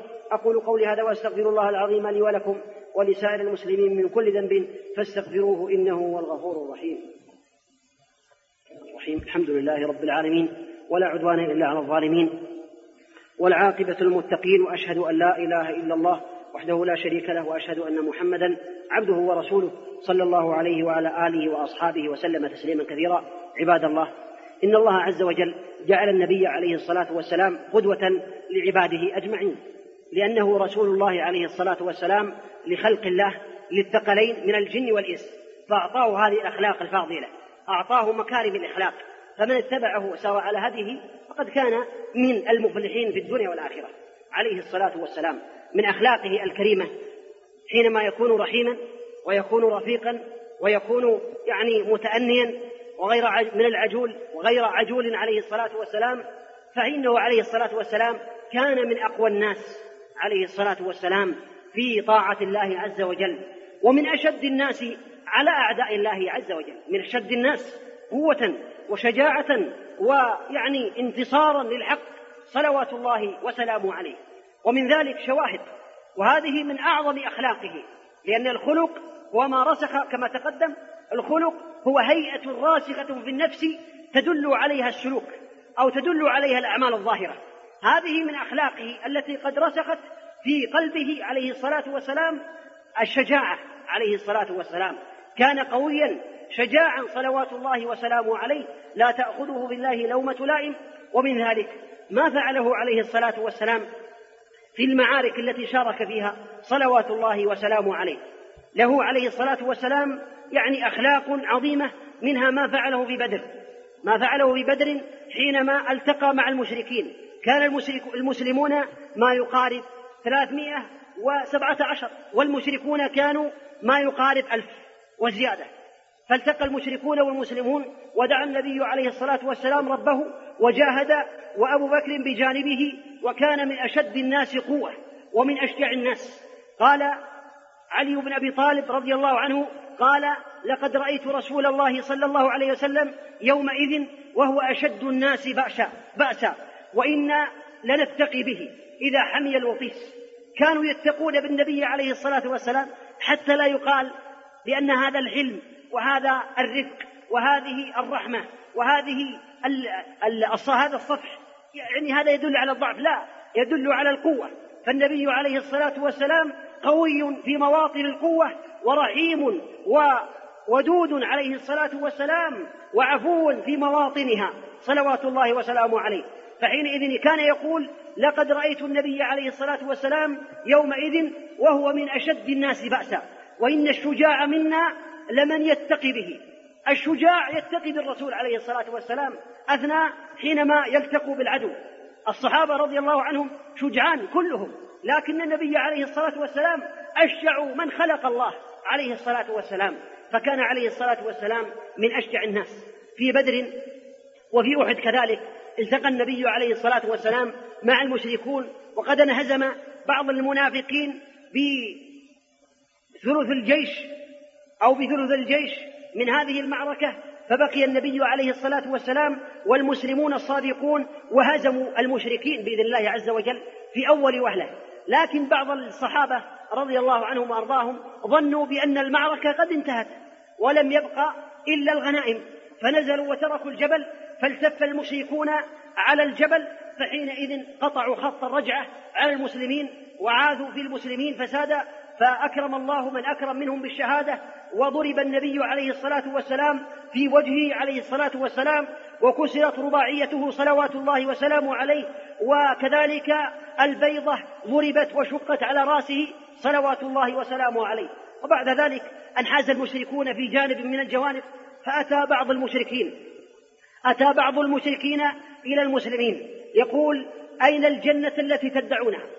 يريد أن يقابل النبي عليه الصلاة والسلام. تزعمون أن محمدا عليه الصلاة والسلام يقول بأن من قتل له الجنة ومن يعني حي فله السعادة أو كما قال. وإني أريد محمدا عليه الصلاة والسلام. والله والله وأقسم بالله بأنه سيقتل النبي عليه الصلاة والسلام.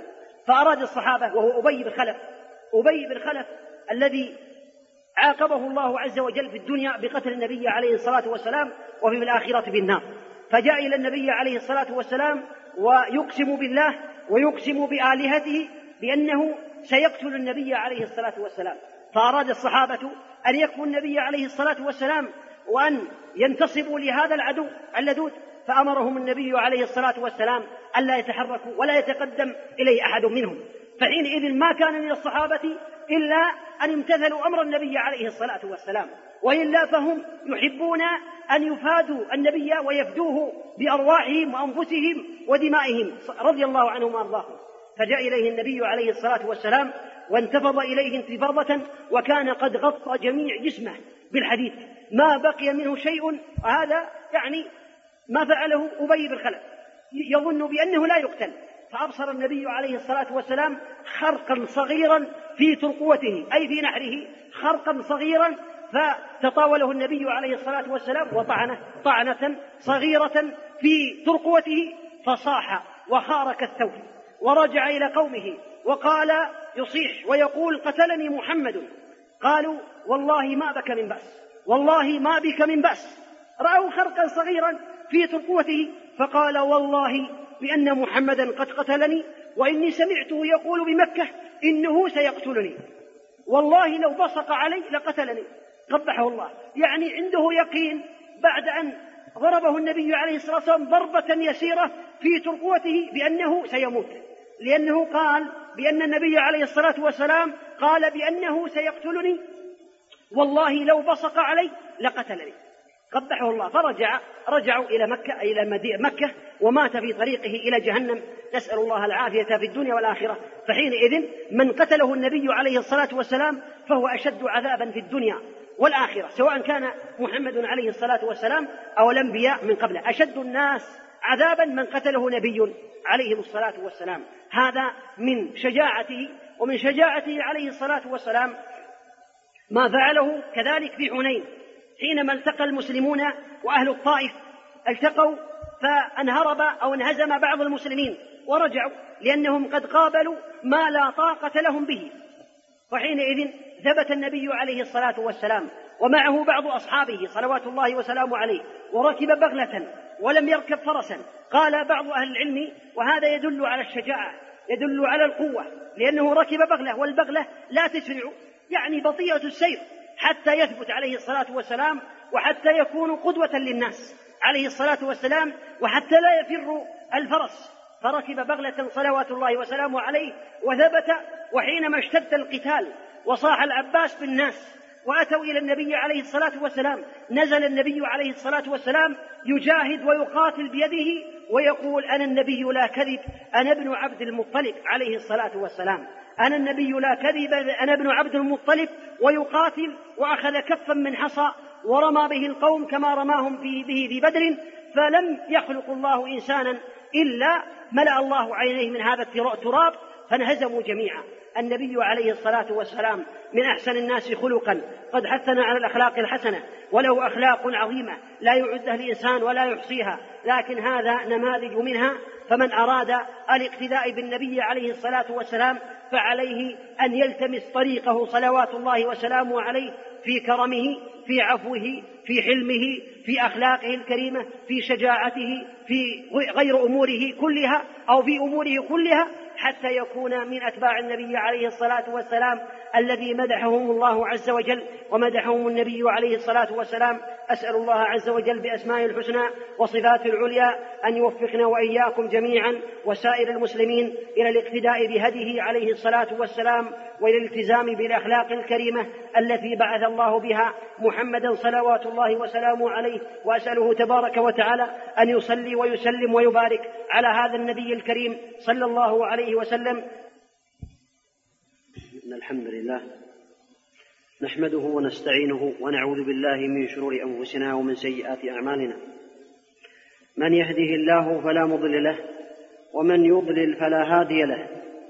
وأشهد أن لا إله إلا الله وحده لا شريك له. وأشهد أن محمدا عبده ورسوله. بعثه الله رحمة للعالمين.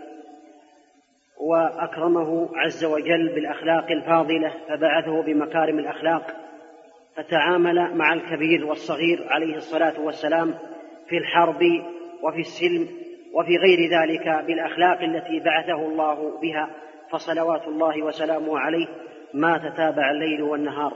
عباد الله اتقوا الله عز وجل وراقبوه في السر والعلن فقد أمرنا الله عز وجل بجميعا بذلك في آيات كثيرة منها قوله عز وجل يا أيها الذين آمنوا اتقوا الله حق تقاته ولا تموتن إلا وأنتم مسلمون.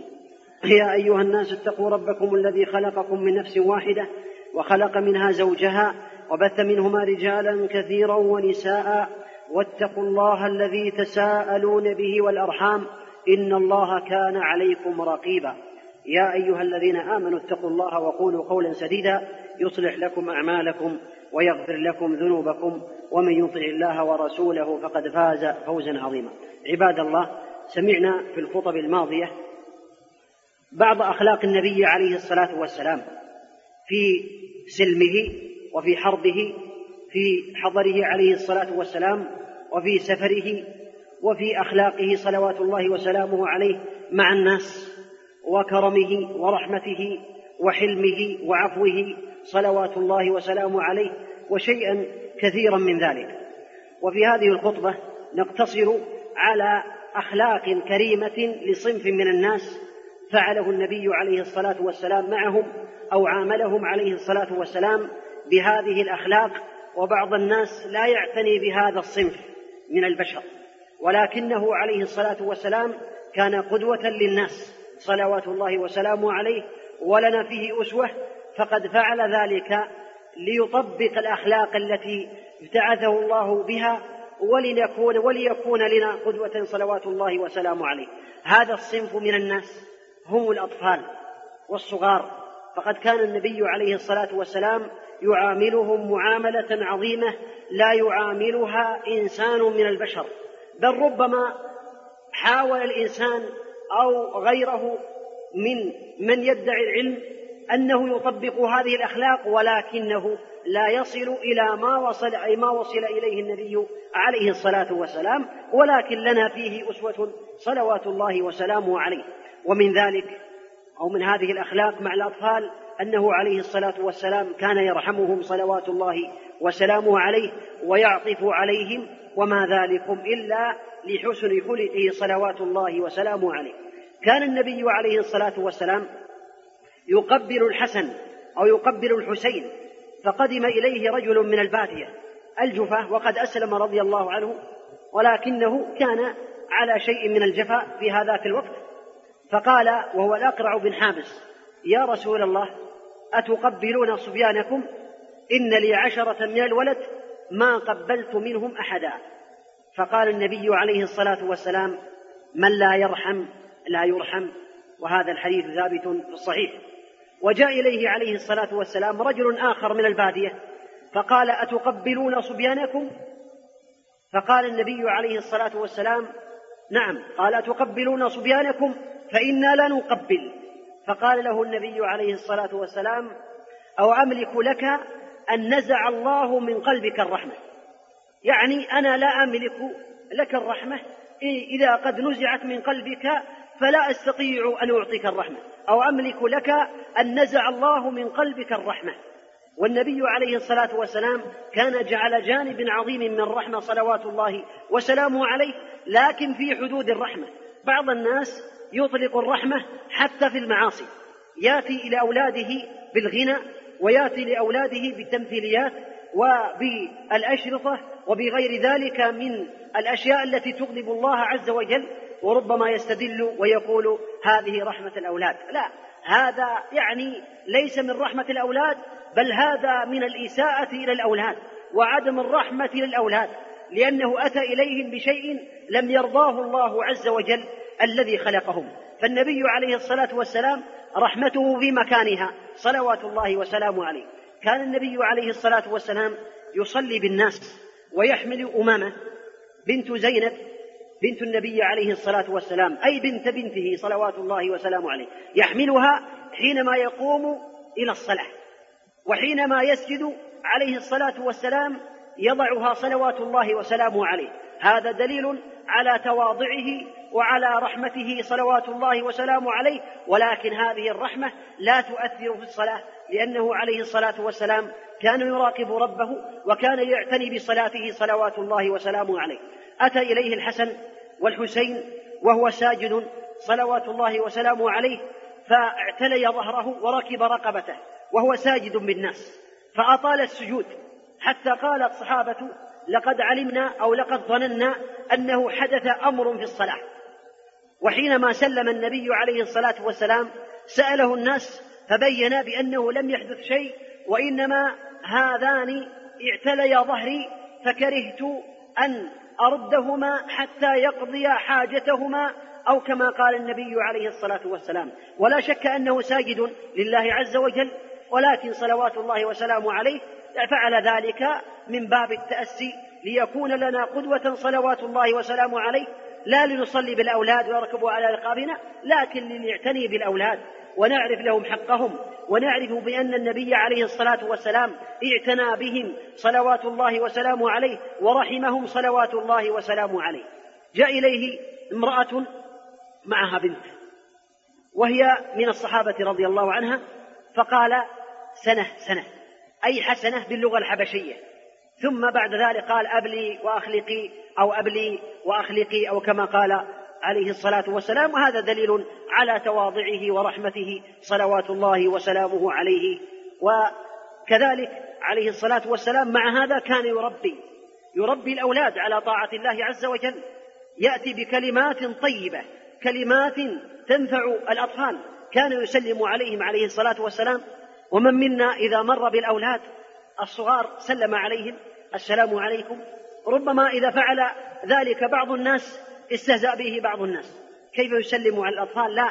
هذا من أخلاق النبي عليه الصلاة والسلام الكريمة التي بعثه الله عز وجل بها. فقد كان عليه الصلاة والسلام يسلم على الصبيان وكان يعتني بهم صلوات الله وسلامه عليه وكان يداعبهم صلوات الله وسلامه عليه.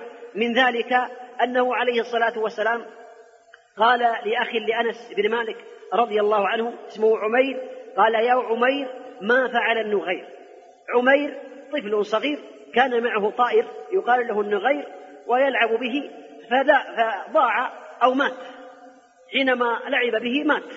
فحينما مات صار النبي عليه الصلاة والسلام يداعبه ويقول يا عمير ما فعل النغير عليه الصلاة والسلام؟ دليل على إحسانه وعلى تواضعه مع الأولاد صلوات الله وسلامه عليه. وهذا من الخلق العظيم الذي ينبغي لنا أن نقتدي به صلوات الله وسلامه عليه. فيه وينبغي لنا أن نقتدي به في أخلاقه كلها لأنه عليه الصلاة والسلام لم يتخلق إلا بالأخلاق الفاضلة ومكارم الأخلاق التي بعثه الله عز وجل بها وهي رحمة للعالمين. ومن ذلك تربيته صلوات الله وسلامه عليه فكان يربي الأولاد. مع الرحمة كان يربيهم ويتكلم بالكلمات التي تقع في قلوبهم فحينئذ يوفقهم الله عز وجل للعمل بها. من ذلك أنه كان في يوم من الأيام راكبا على حمار. كان النبي عليه الصلاة والسلام من تواضعه أنه يركب الحمير صلوات الله وسلامه عليه ويركب الجمال ويركب الفرسان الخيل ويركب البغال صلوات الله وسلامه عليه ولم يتكبر عن شيء من ذلك. فكان عليه الصلاة والسلام في يوم من الأيام يركب على حمار فركب أردف العباس. أردف عبد الله بن عباس خلفه على الحمار. وحينما كان يسير معه بطريقه قال يا غلام يا غلام إني أعلمك كلمات. احفظ الله يحفظك. احفظ الله تجده تجاهك. احفظ الله تجده تجاهك.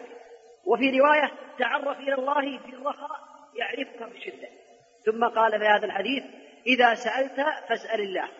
وإذا استعنت فاستعن بالله.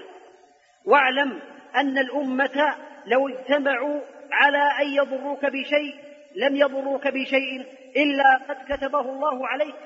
وإن اجتمعوا على أن ينفعوك بشيء لم ينفعوك بشيء إلا قد كتبه الله لك. رفعت الأقلام وجفت الصحف. هذا كلام النبي عليه الصلاة والسلام يخاطب من؟ بعض الناس لو ركب معه طفل على سيارته لقال له أتريد يا بني حلاوة أو تريد بيبسي؟ تريد مرندة ولا تطيب؟ لا بأس في ذلك. لكنه لم يربيه بالكلمات الطيبة لم يعلمه على ما ينفعه في الدنيا والآخرة لم يغرس الإيمان في قلبه والعقيدة الصحيحة التي يحبها الله عز وجل. ولهذا النبي عليه الصلاة والسلام علم هذا الغلام العظيم هذه الكلمات العظيمة أولا علمه يا غلام. احفظ الله.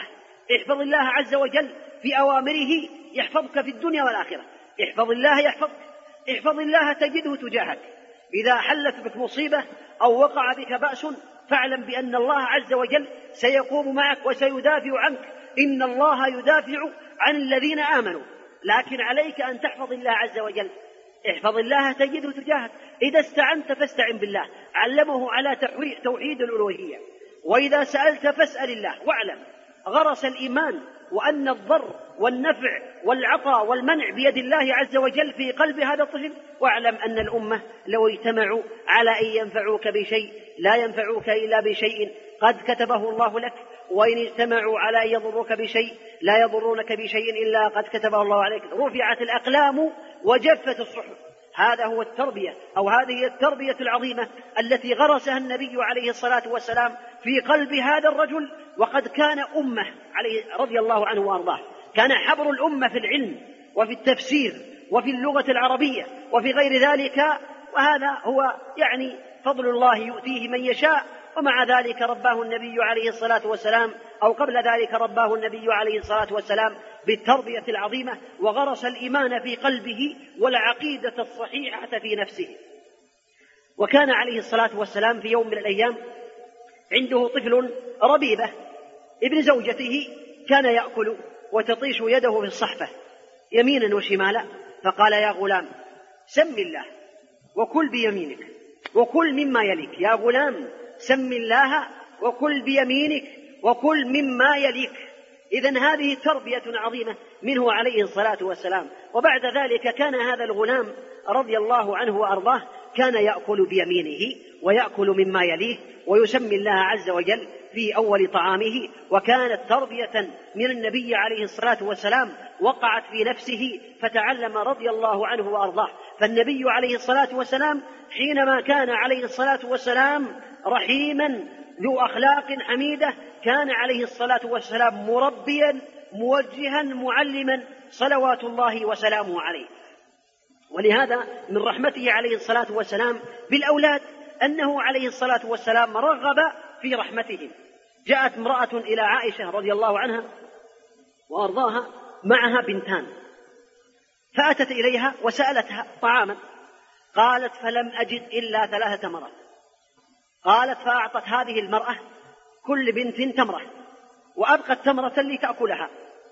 فقال فقالت عائشة رضي الله عنها فأكلت الطفلتين أو الطفلتان التمرتين ثم صارتا تسأل والدتها أو والدتيهما.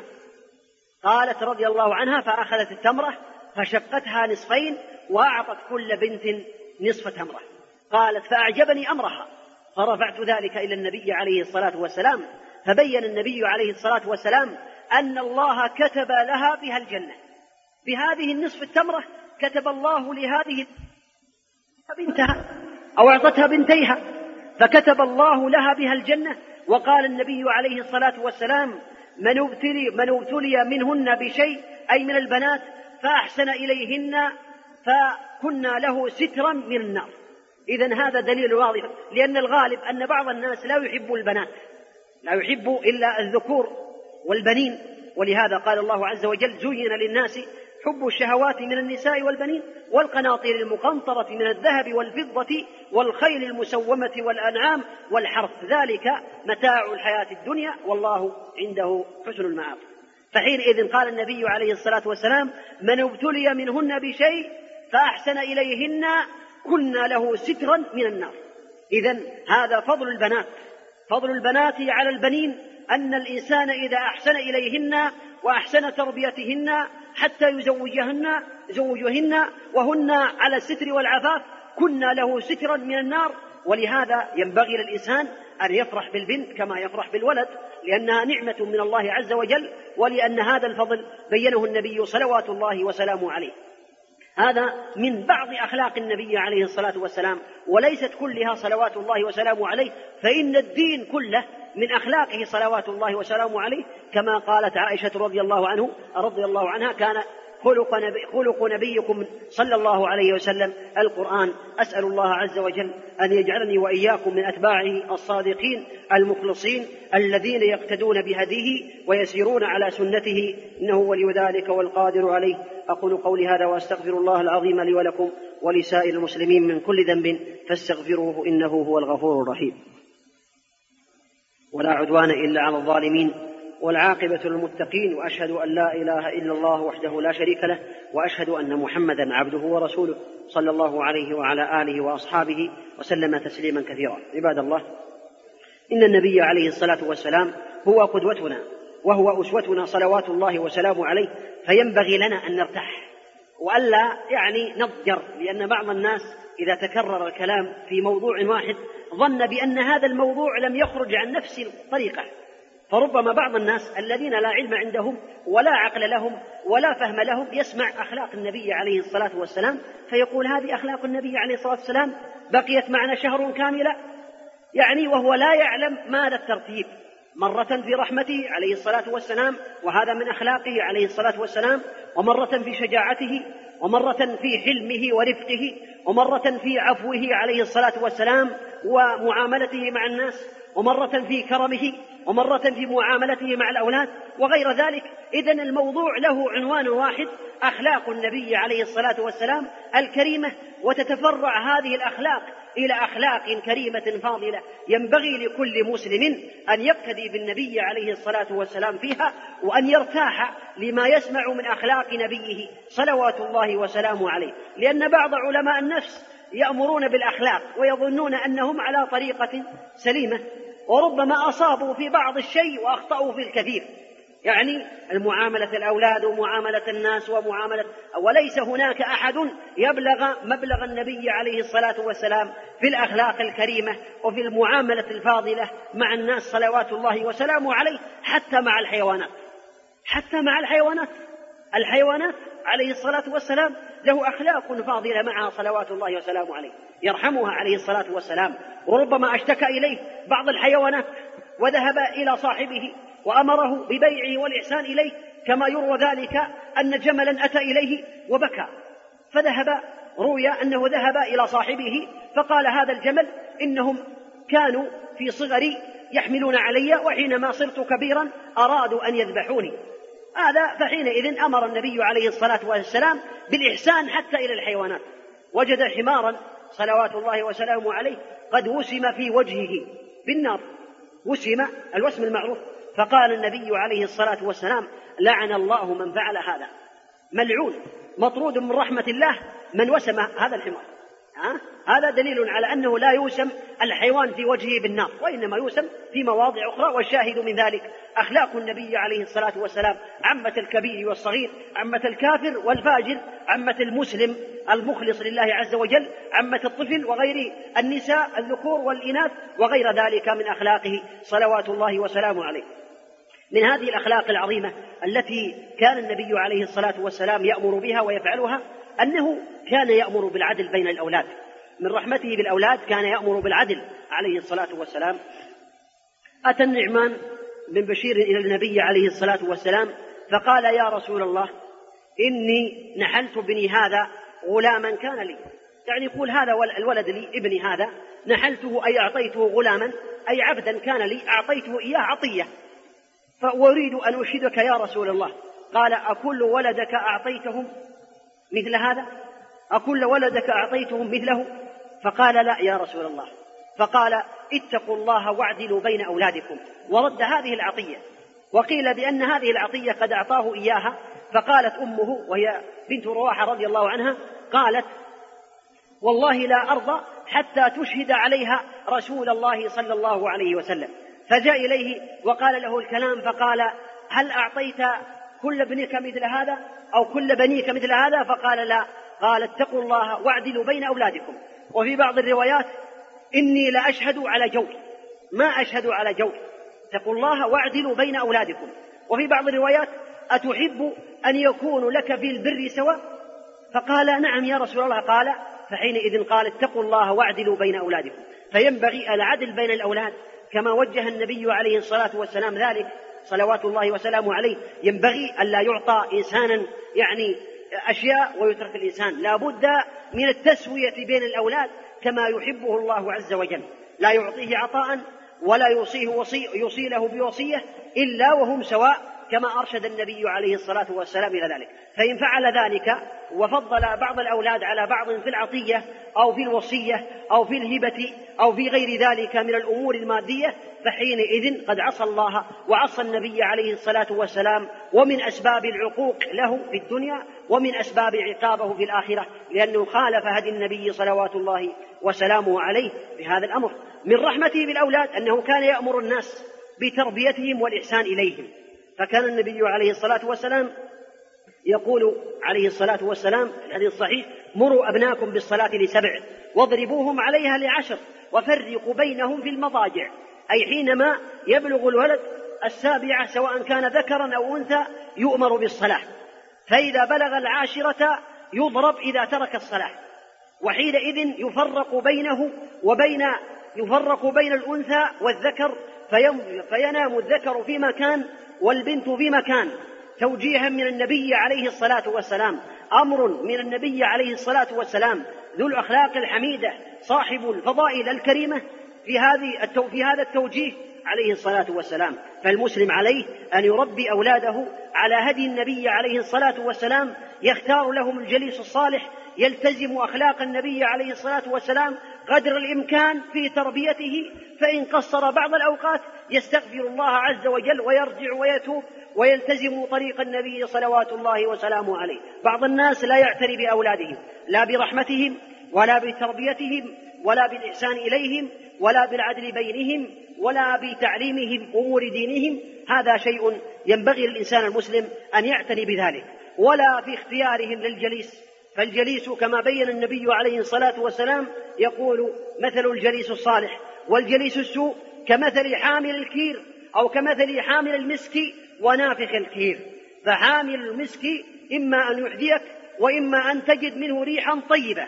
ونافخ الكير إما أن تجد منه ريحا خبيثة وإما أن يحرق ثيابك.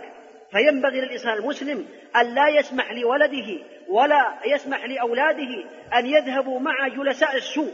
المرء على دين خليله فلينظر أحدكم من يخالل لينظر أحدكم من يخالل؟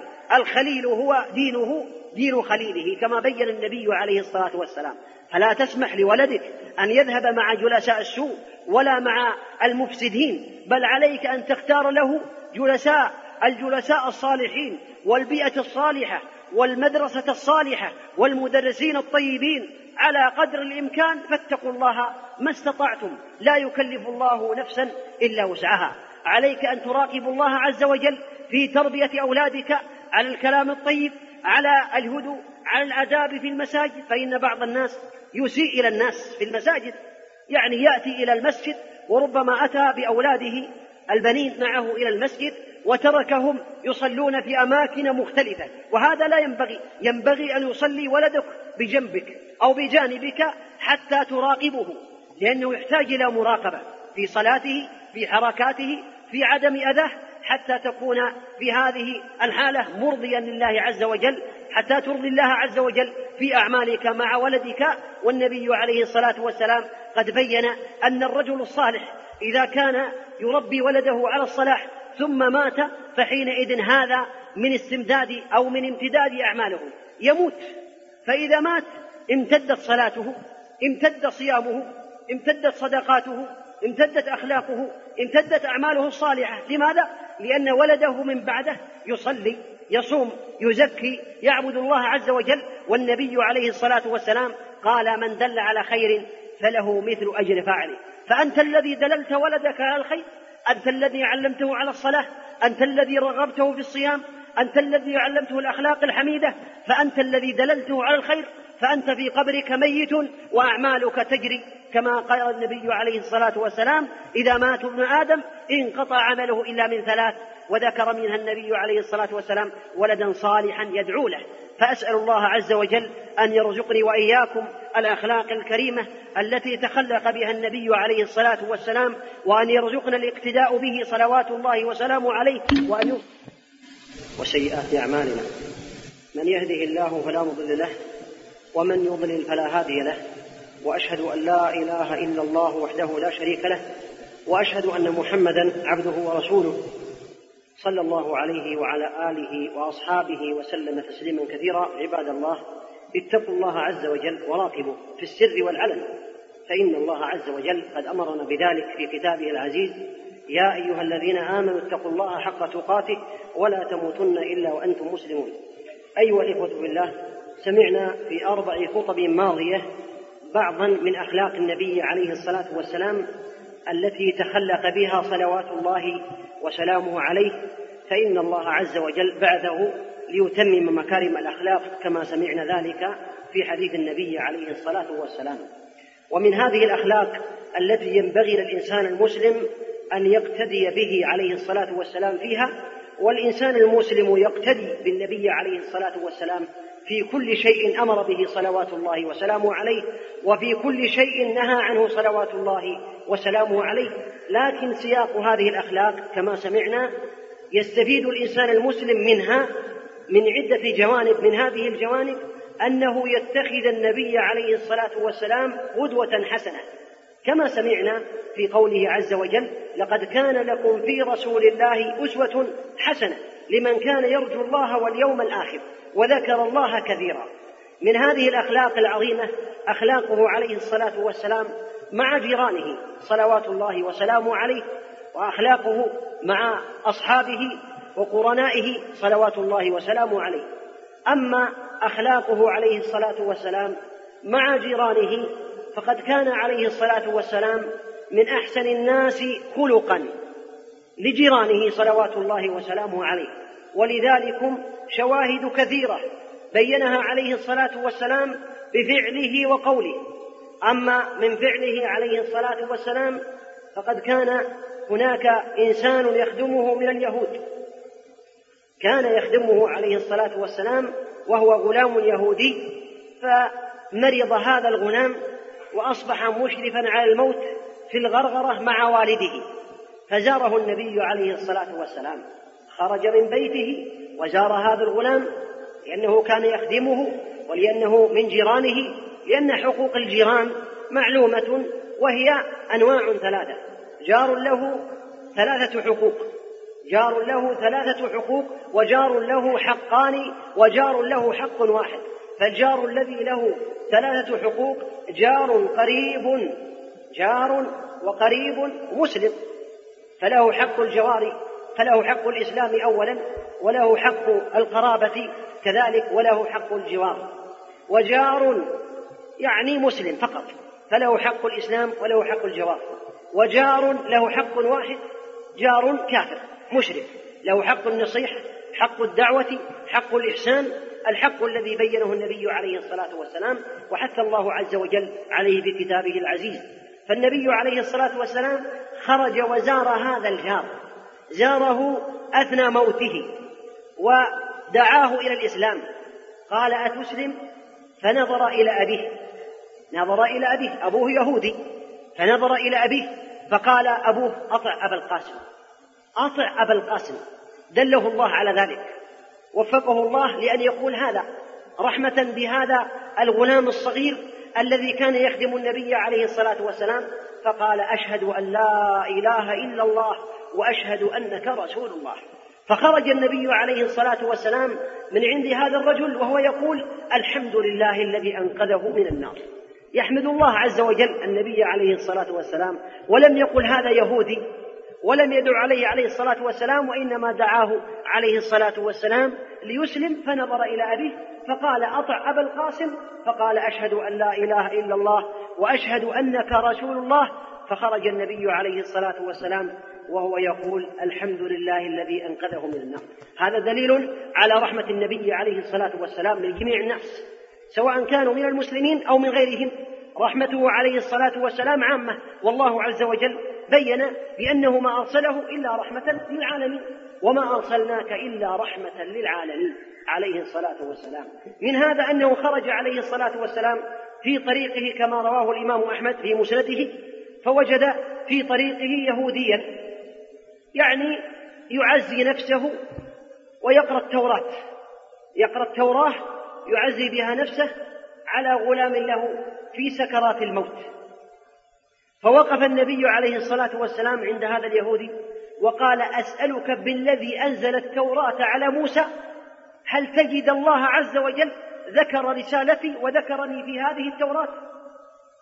فهو مشغول بقراءة التوراة فقال برأسه هكذا يعني أو برأسه يقول لا أجد ذلك. لأنه مشغول مشغول يعزي نفسه بقراءة التوراة على يعني ولده في سكرات الموت.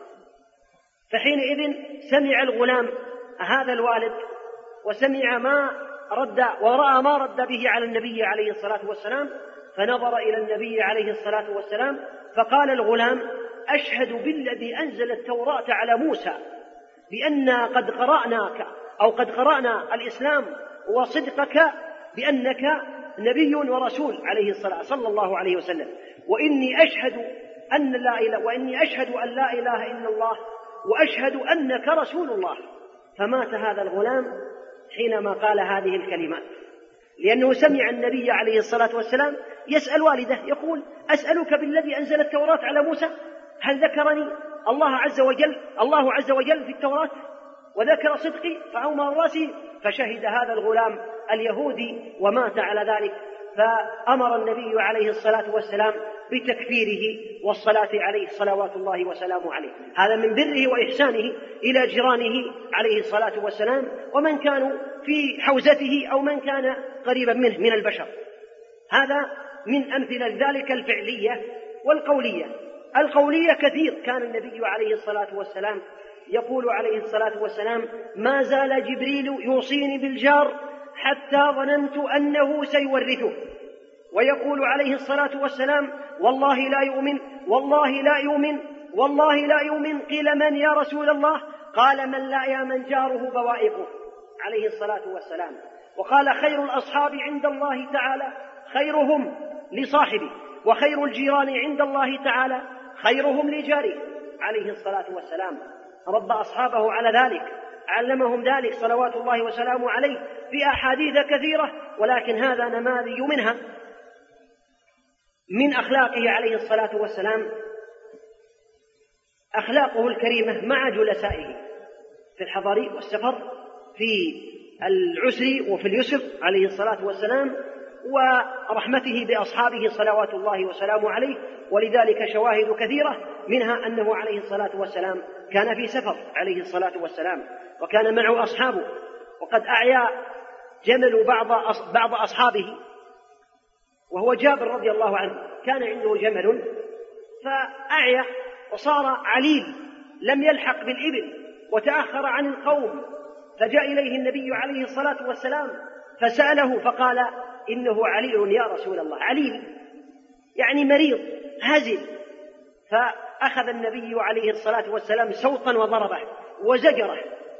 وفي بعض الروايات دعا له فصار من أقوى الإبل قوة. يعني من أقوى الإبل ومن أسرع الإبل. فحينئذ قال له النبي عليه الصلاة والسلام بعنيه يعني هل تبيعني هذا الجمل؟ معنى حديث عليه الصلاة والسلام. فقال هو لك يا رسول الله. يعني بدون ثمن. فقال بعنيه بأقية فباعه واشترط على النبي عليه الصلاة والسلام حملانه إلى المدينة. يعني باعه ولكن اشترط عليه قال أن يحمل ما معه إلى المدينة. فوافق النبي عليه الصلاة والسلام. وذهبوا في سفرهم ورجعوا إلى المدينة. وحينما رجع النبي عليه الصلاة والسلام إلى المدينة نقده هذه هذا الثمن نقده الثمن. ثم أدبر جابر رضي الله عنه وناداه. قال يا جابر أتراني ما كستك في جملك؟ يعني ما كستك أي كاسرتك؟ فقال لا يا رسول الله. قال هو لك. فأعطاه الجمل وأعطاه الثمن عليه الصلاة والسلام. سبحان الله العظيم. من من الناس يكون مع جاره أو يكون مع صاحبه في السفر فيبيعه سيارة بمبلغ عظيم من أعظم السيارات؟ لأن هذا الجمل من أعظم الجمال والجمال هي من أعظم ما يركبه الناس في عهد النبي عليه الصلاة والسلام. تتصور بأن هناك إنسان مسافر في طريقه وكان معه صاحب له في سفره وكان معه سيارة تسوى أو تعدل أو يبلغ ثمنها مئتي ألف. مئتي ألف. بعض السيارات تباع بمئتي ألف. كما هو معلوم. فاشتراها. اشترى هذه السيارة من صاحبه في السفر. رفيقة. خوية كما يقول بعض الناس في السفر. وحينما رجع إلى بلاده أعطاه مئتي ألف. وثم قال يا أخي أنت كنت تسافر معي في السفر وأنا قد كاسرتك فلك السيارة ولك الثمن. هل أحد يفعل هذا من الناس؟ ربما يفعله بعض الناس لكن النبي عليه الصلاة والسلام هو من أحسن الناس خلقا صلوات الله وسلامه عليه. فاشترى الجمل ثم رجع إلى بلاده وأعطاه جمله وأعطاه الثمن صلوات الله وسلامه عليه. من ذلك عليه الصلاة والسلام أنه كان يرحم عليه الصلاة والسلام الفقراء ويرحم الخدم عليه الصلاة والسلام كما رحم غيرهم صلوات الله وسلامه عليه.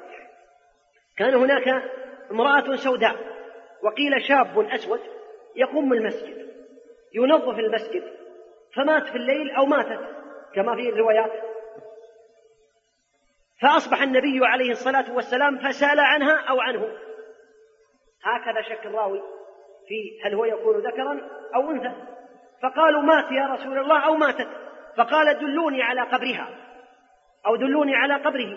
فدلوه على قبرها أو على قبره فصلى عليه عليه الصلاة والسلام. صلى على القبر.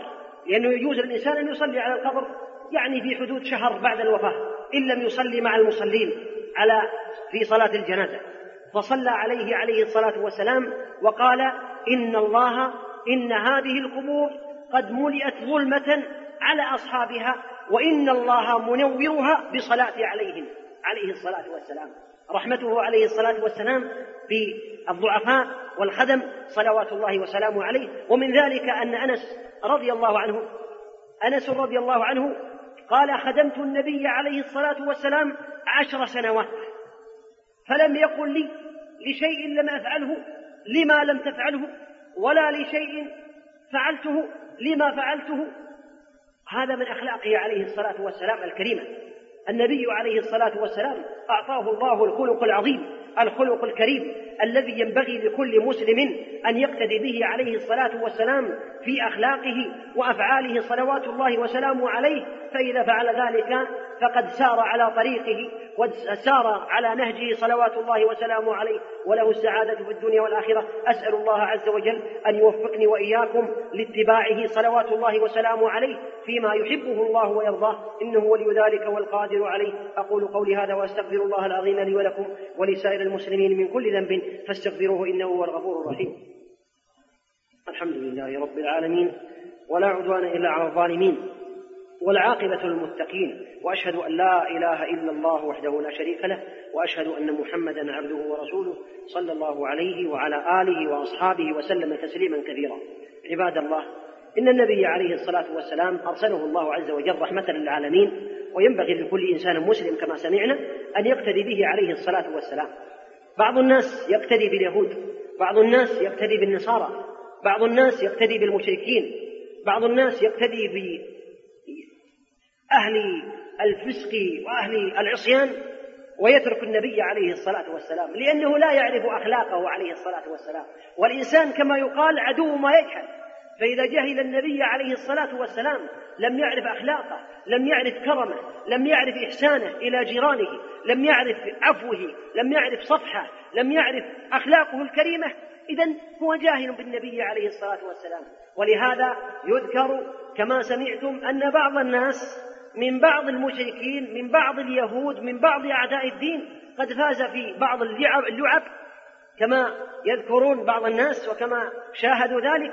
فرآه قد تقلد بشيء في نفسه وقد اتصف بصفة وهي أنه قد صنع له ذيلا من خلف ظهره من رأسه. ها؟ وبعد أن أنتهى هذا المهرجان أو أو انتهى هذا الدور ذهب الشباب يقلدون هذا اللاعب. لماذا؟ قالوا لأنه بطل. يعني فاز. يقلدون بعض الناس الذين يفوزون في أشياء لا قيمة لها. ولا يتبعون النبي عليه الصلاة والسلام الذي فاز في كل شيء عليه الصلاة والسلام. فاز في أخلاقه كما سمعتم وأخلاقه كلها هي القرآن الكريم كما بين الله عز وجل ذلك. بينه النبي بينته عائشة رضي الله عنها شرحا وتوضيحا وبيانا للقرآن الكريم. كان خلق نبيكم صلى الله عليه وسلم القرآن. ومن أخلاقه عليه الصلاة والسلام أنه كان عليه الصلاة والسلام يزور أصحابه. إذا مرض بعضهم زاره. فقد زار سعد بن عبادة في مرض في مرضه. قد كان اشتد عليه مرض فزاره وكان معه عبد الرحمن بن عوف. فوجده مغشيا عليه فقال قضى الرجل؟ قالوا لا. فجلس عنده النبي عليه الصلاة والسلام وبكى. فاستغرب ذلك عبد الرحمن ومن معه. تبكي يا رسول الله؟ فقال النبي عليه الصلاة والسلام بعد أن ذرفت عيناه يعني ذرفت عيناه بدون كلام. فقال النبي عليه الصلاة والسلام إن الله لا يؤاخذ بدمع العين ولا بحزن القلب ولكن يرحم أو يعذب بهذا. وأشار إلى لسانه عليه الصلاة والسلام. حينما مات ابنه إبراهيم بكى يعني ذرفت عيناه وقال تدمع العين ويحزن القلب وإنا لفراقك يا إبراهيم لمحزونون. أو كما قال النبي عليه الصلاة والسلام فكان يرحم أصحابه وكان يزورهم صلوات الله وسلامه عليه وكان يوجههم لكل خير وكان يحسن إلى إليهم جميعا خاصة الفقراء والمحاويج والمساكين. عليه الصلاة والسلام فينبغي لنا أن نتخذه قدوة في ذلك صلوات الله وسلامه عليه. من هذا أخلاق عظيمة أخلاق كريمة. ومن أنه عليه الصلاة والسلام كان لا ينسى أن يعظ أصحابه ويوجههم لكل خير ويرشدهم. لا يكفي الزيارة أو لا تكفي الزيارة يزور وينصح يزور ويرشد يأمر بالمعروف وينهى عن المنكر. ومن ذلك أنه عليه الصلاة والسلام مر بالناس كما في مسلم في السوق وهم في السوق. الناس رآهم مشغولون في السوق عليه الصلاة, عليه الصلاة والسلام فمر بجدي أسك يعني جدي أسك صغير ميت. في السوق عليه الصلاة والسلام. أسك يعني أذنيه صغيرتين. فأخذه عليه الصلاة والسلام ورفعه يعني بمثابة أن يحرج في السوق عليه الصلاة والسلام. لا هذا إن صح هذا التعبير. فرفع هذا الجدي وقال أيكم يحب أن يكون له هذا بدرهم؟ بدرهم. أيكم يحب أن يكون له هذا بدرهم؟ فقالوا يا رسول الله إنه أسك. يكفي فيه أو يكفي في عيبه أنه أسك والله يا رسول الله ما نحب أنه لنا بشيء. يعني حتى لو تعطيني تعطينا هذا الجدي بلا شيء لم نحبه. فقال أيكم يحب أن يكون له؟ يعني مجانا. فقالوا يا رسول الله لا نحب ذلك أو كما قالوا رضي الله عنه. فقال النبي عليه الصلاة والسلام للدنيا أهون على الله من هذا عليكم.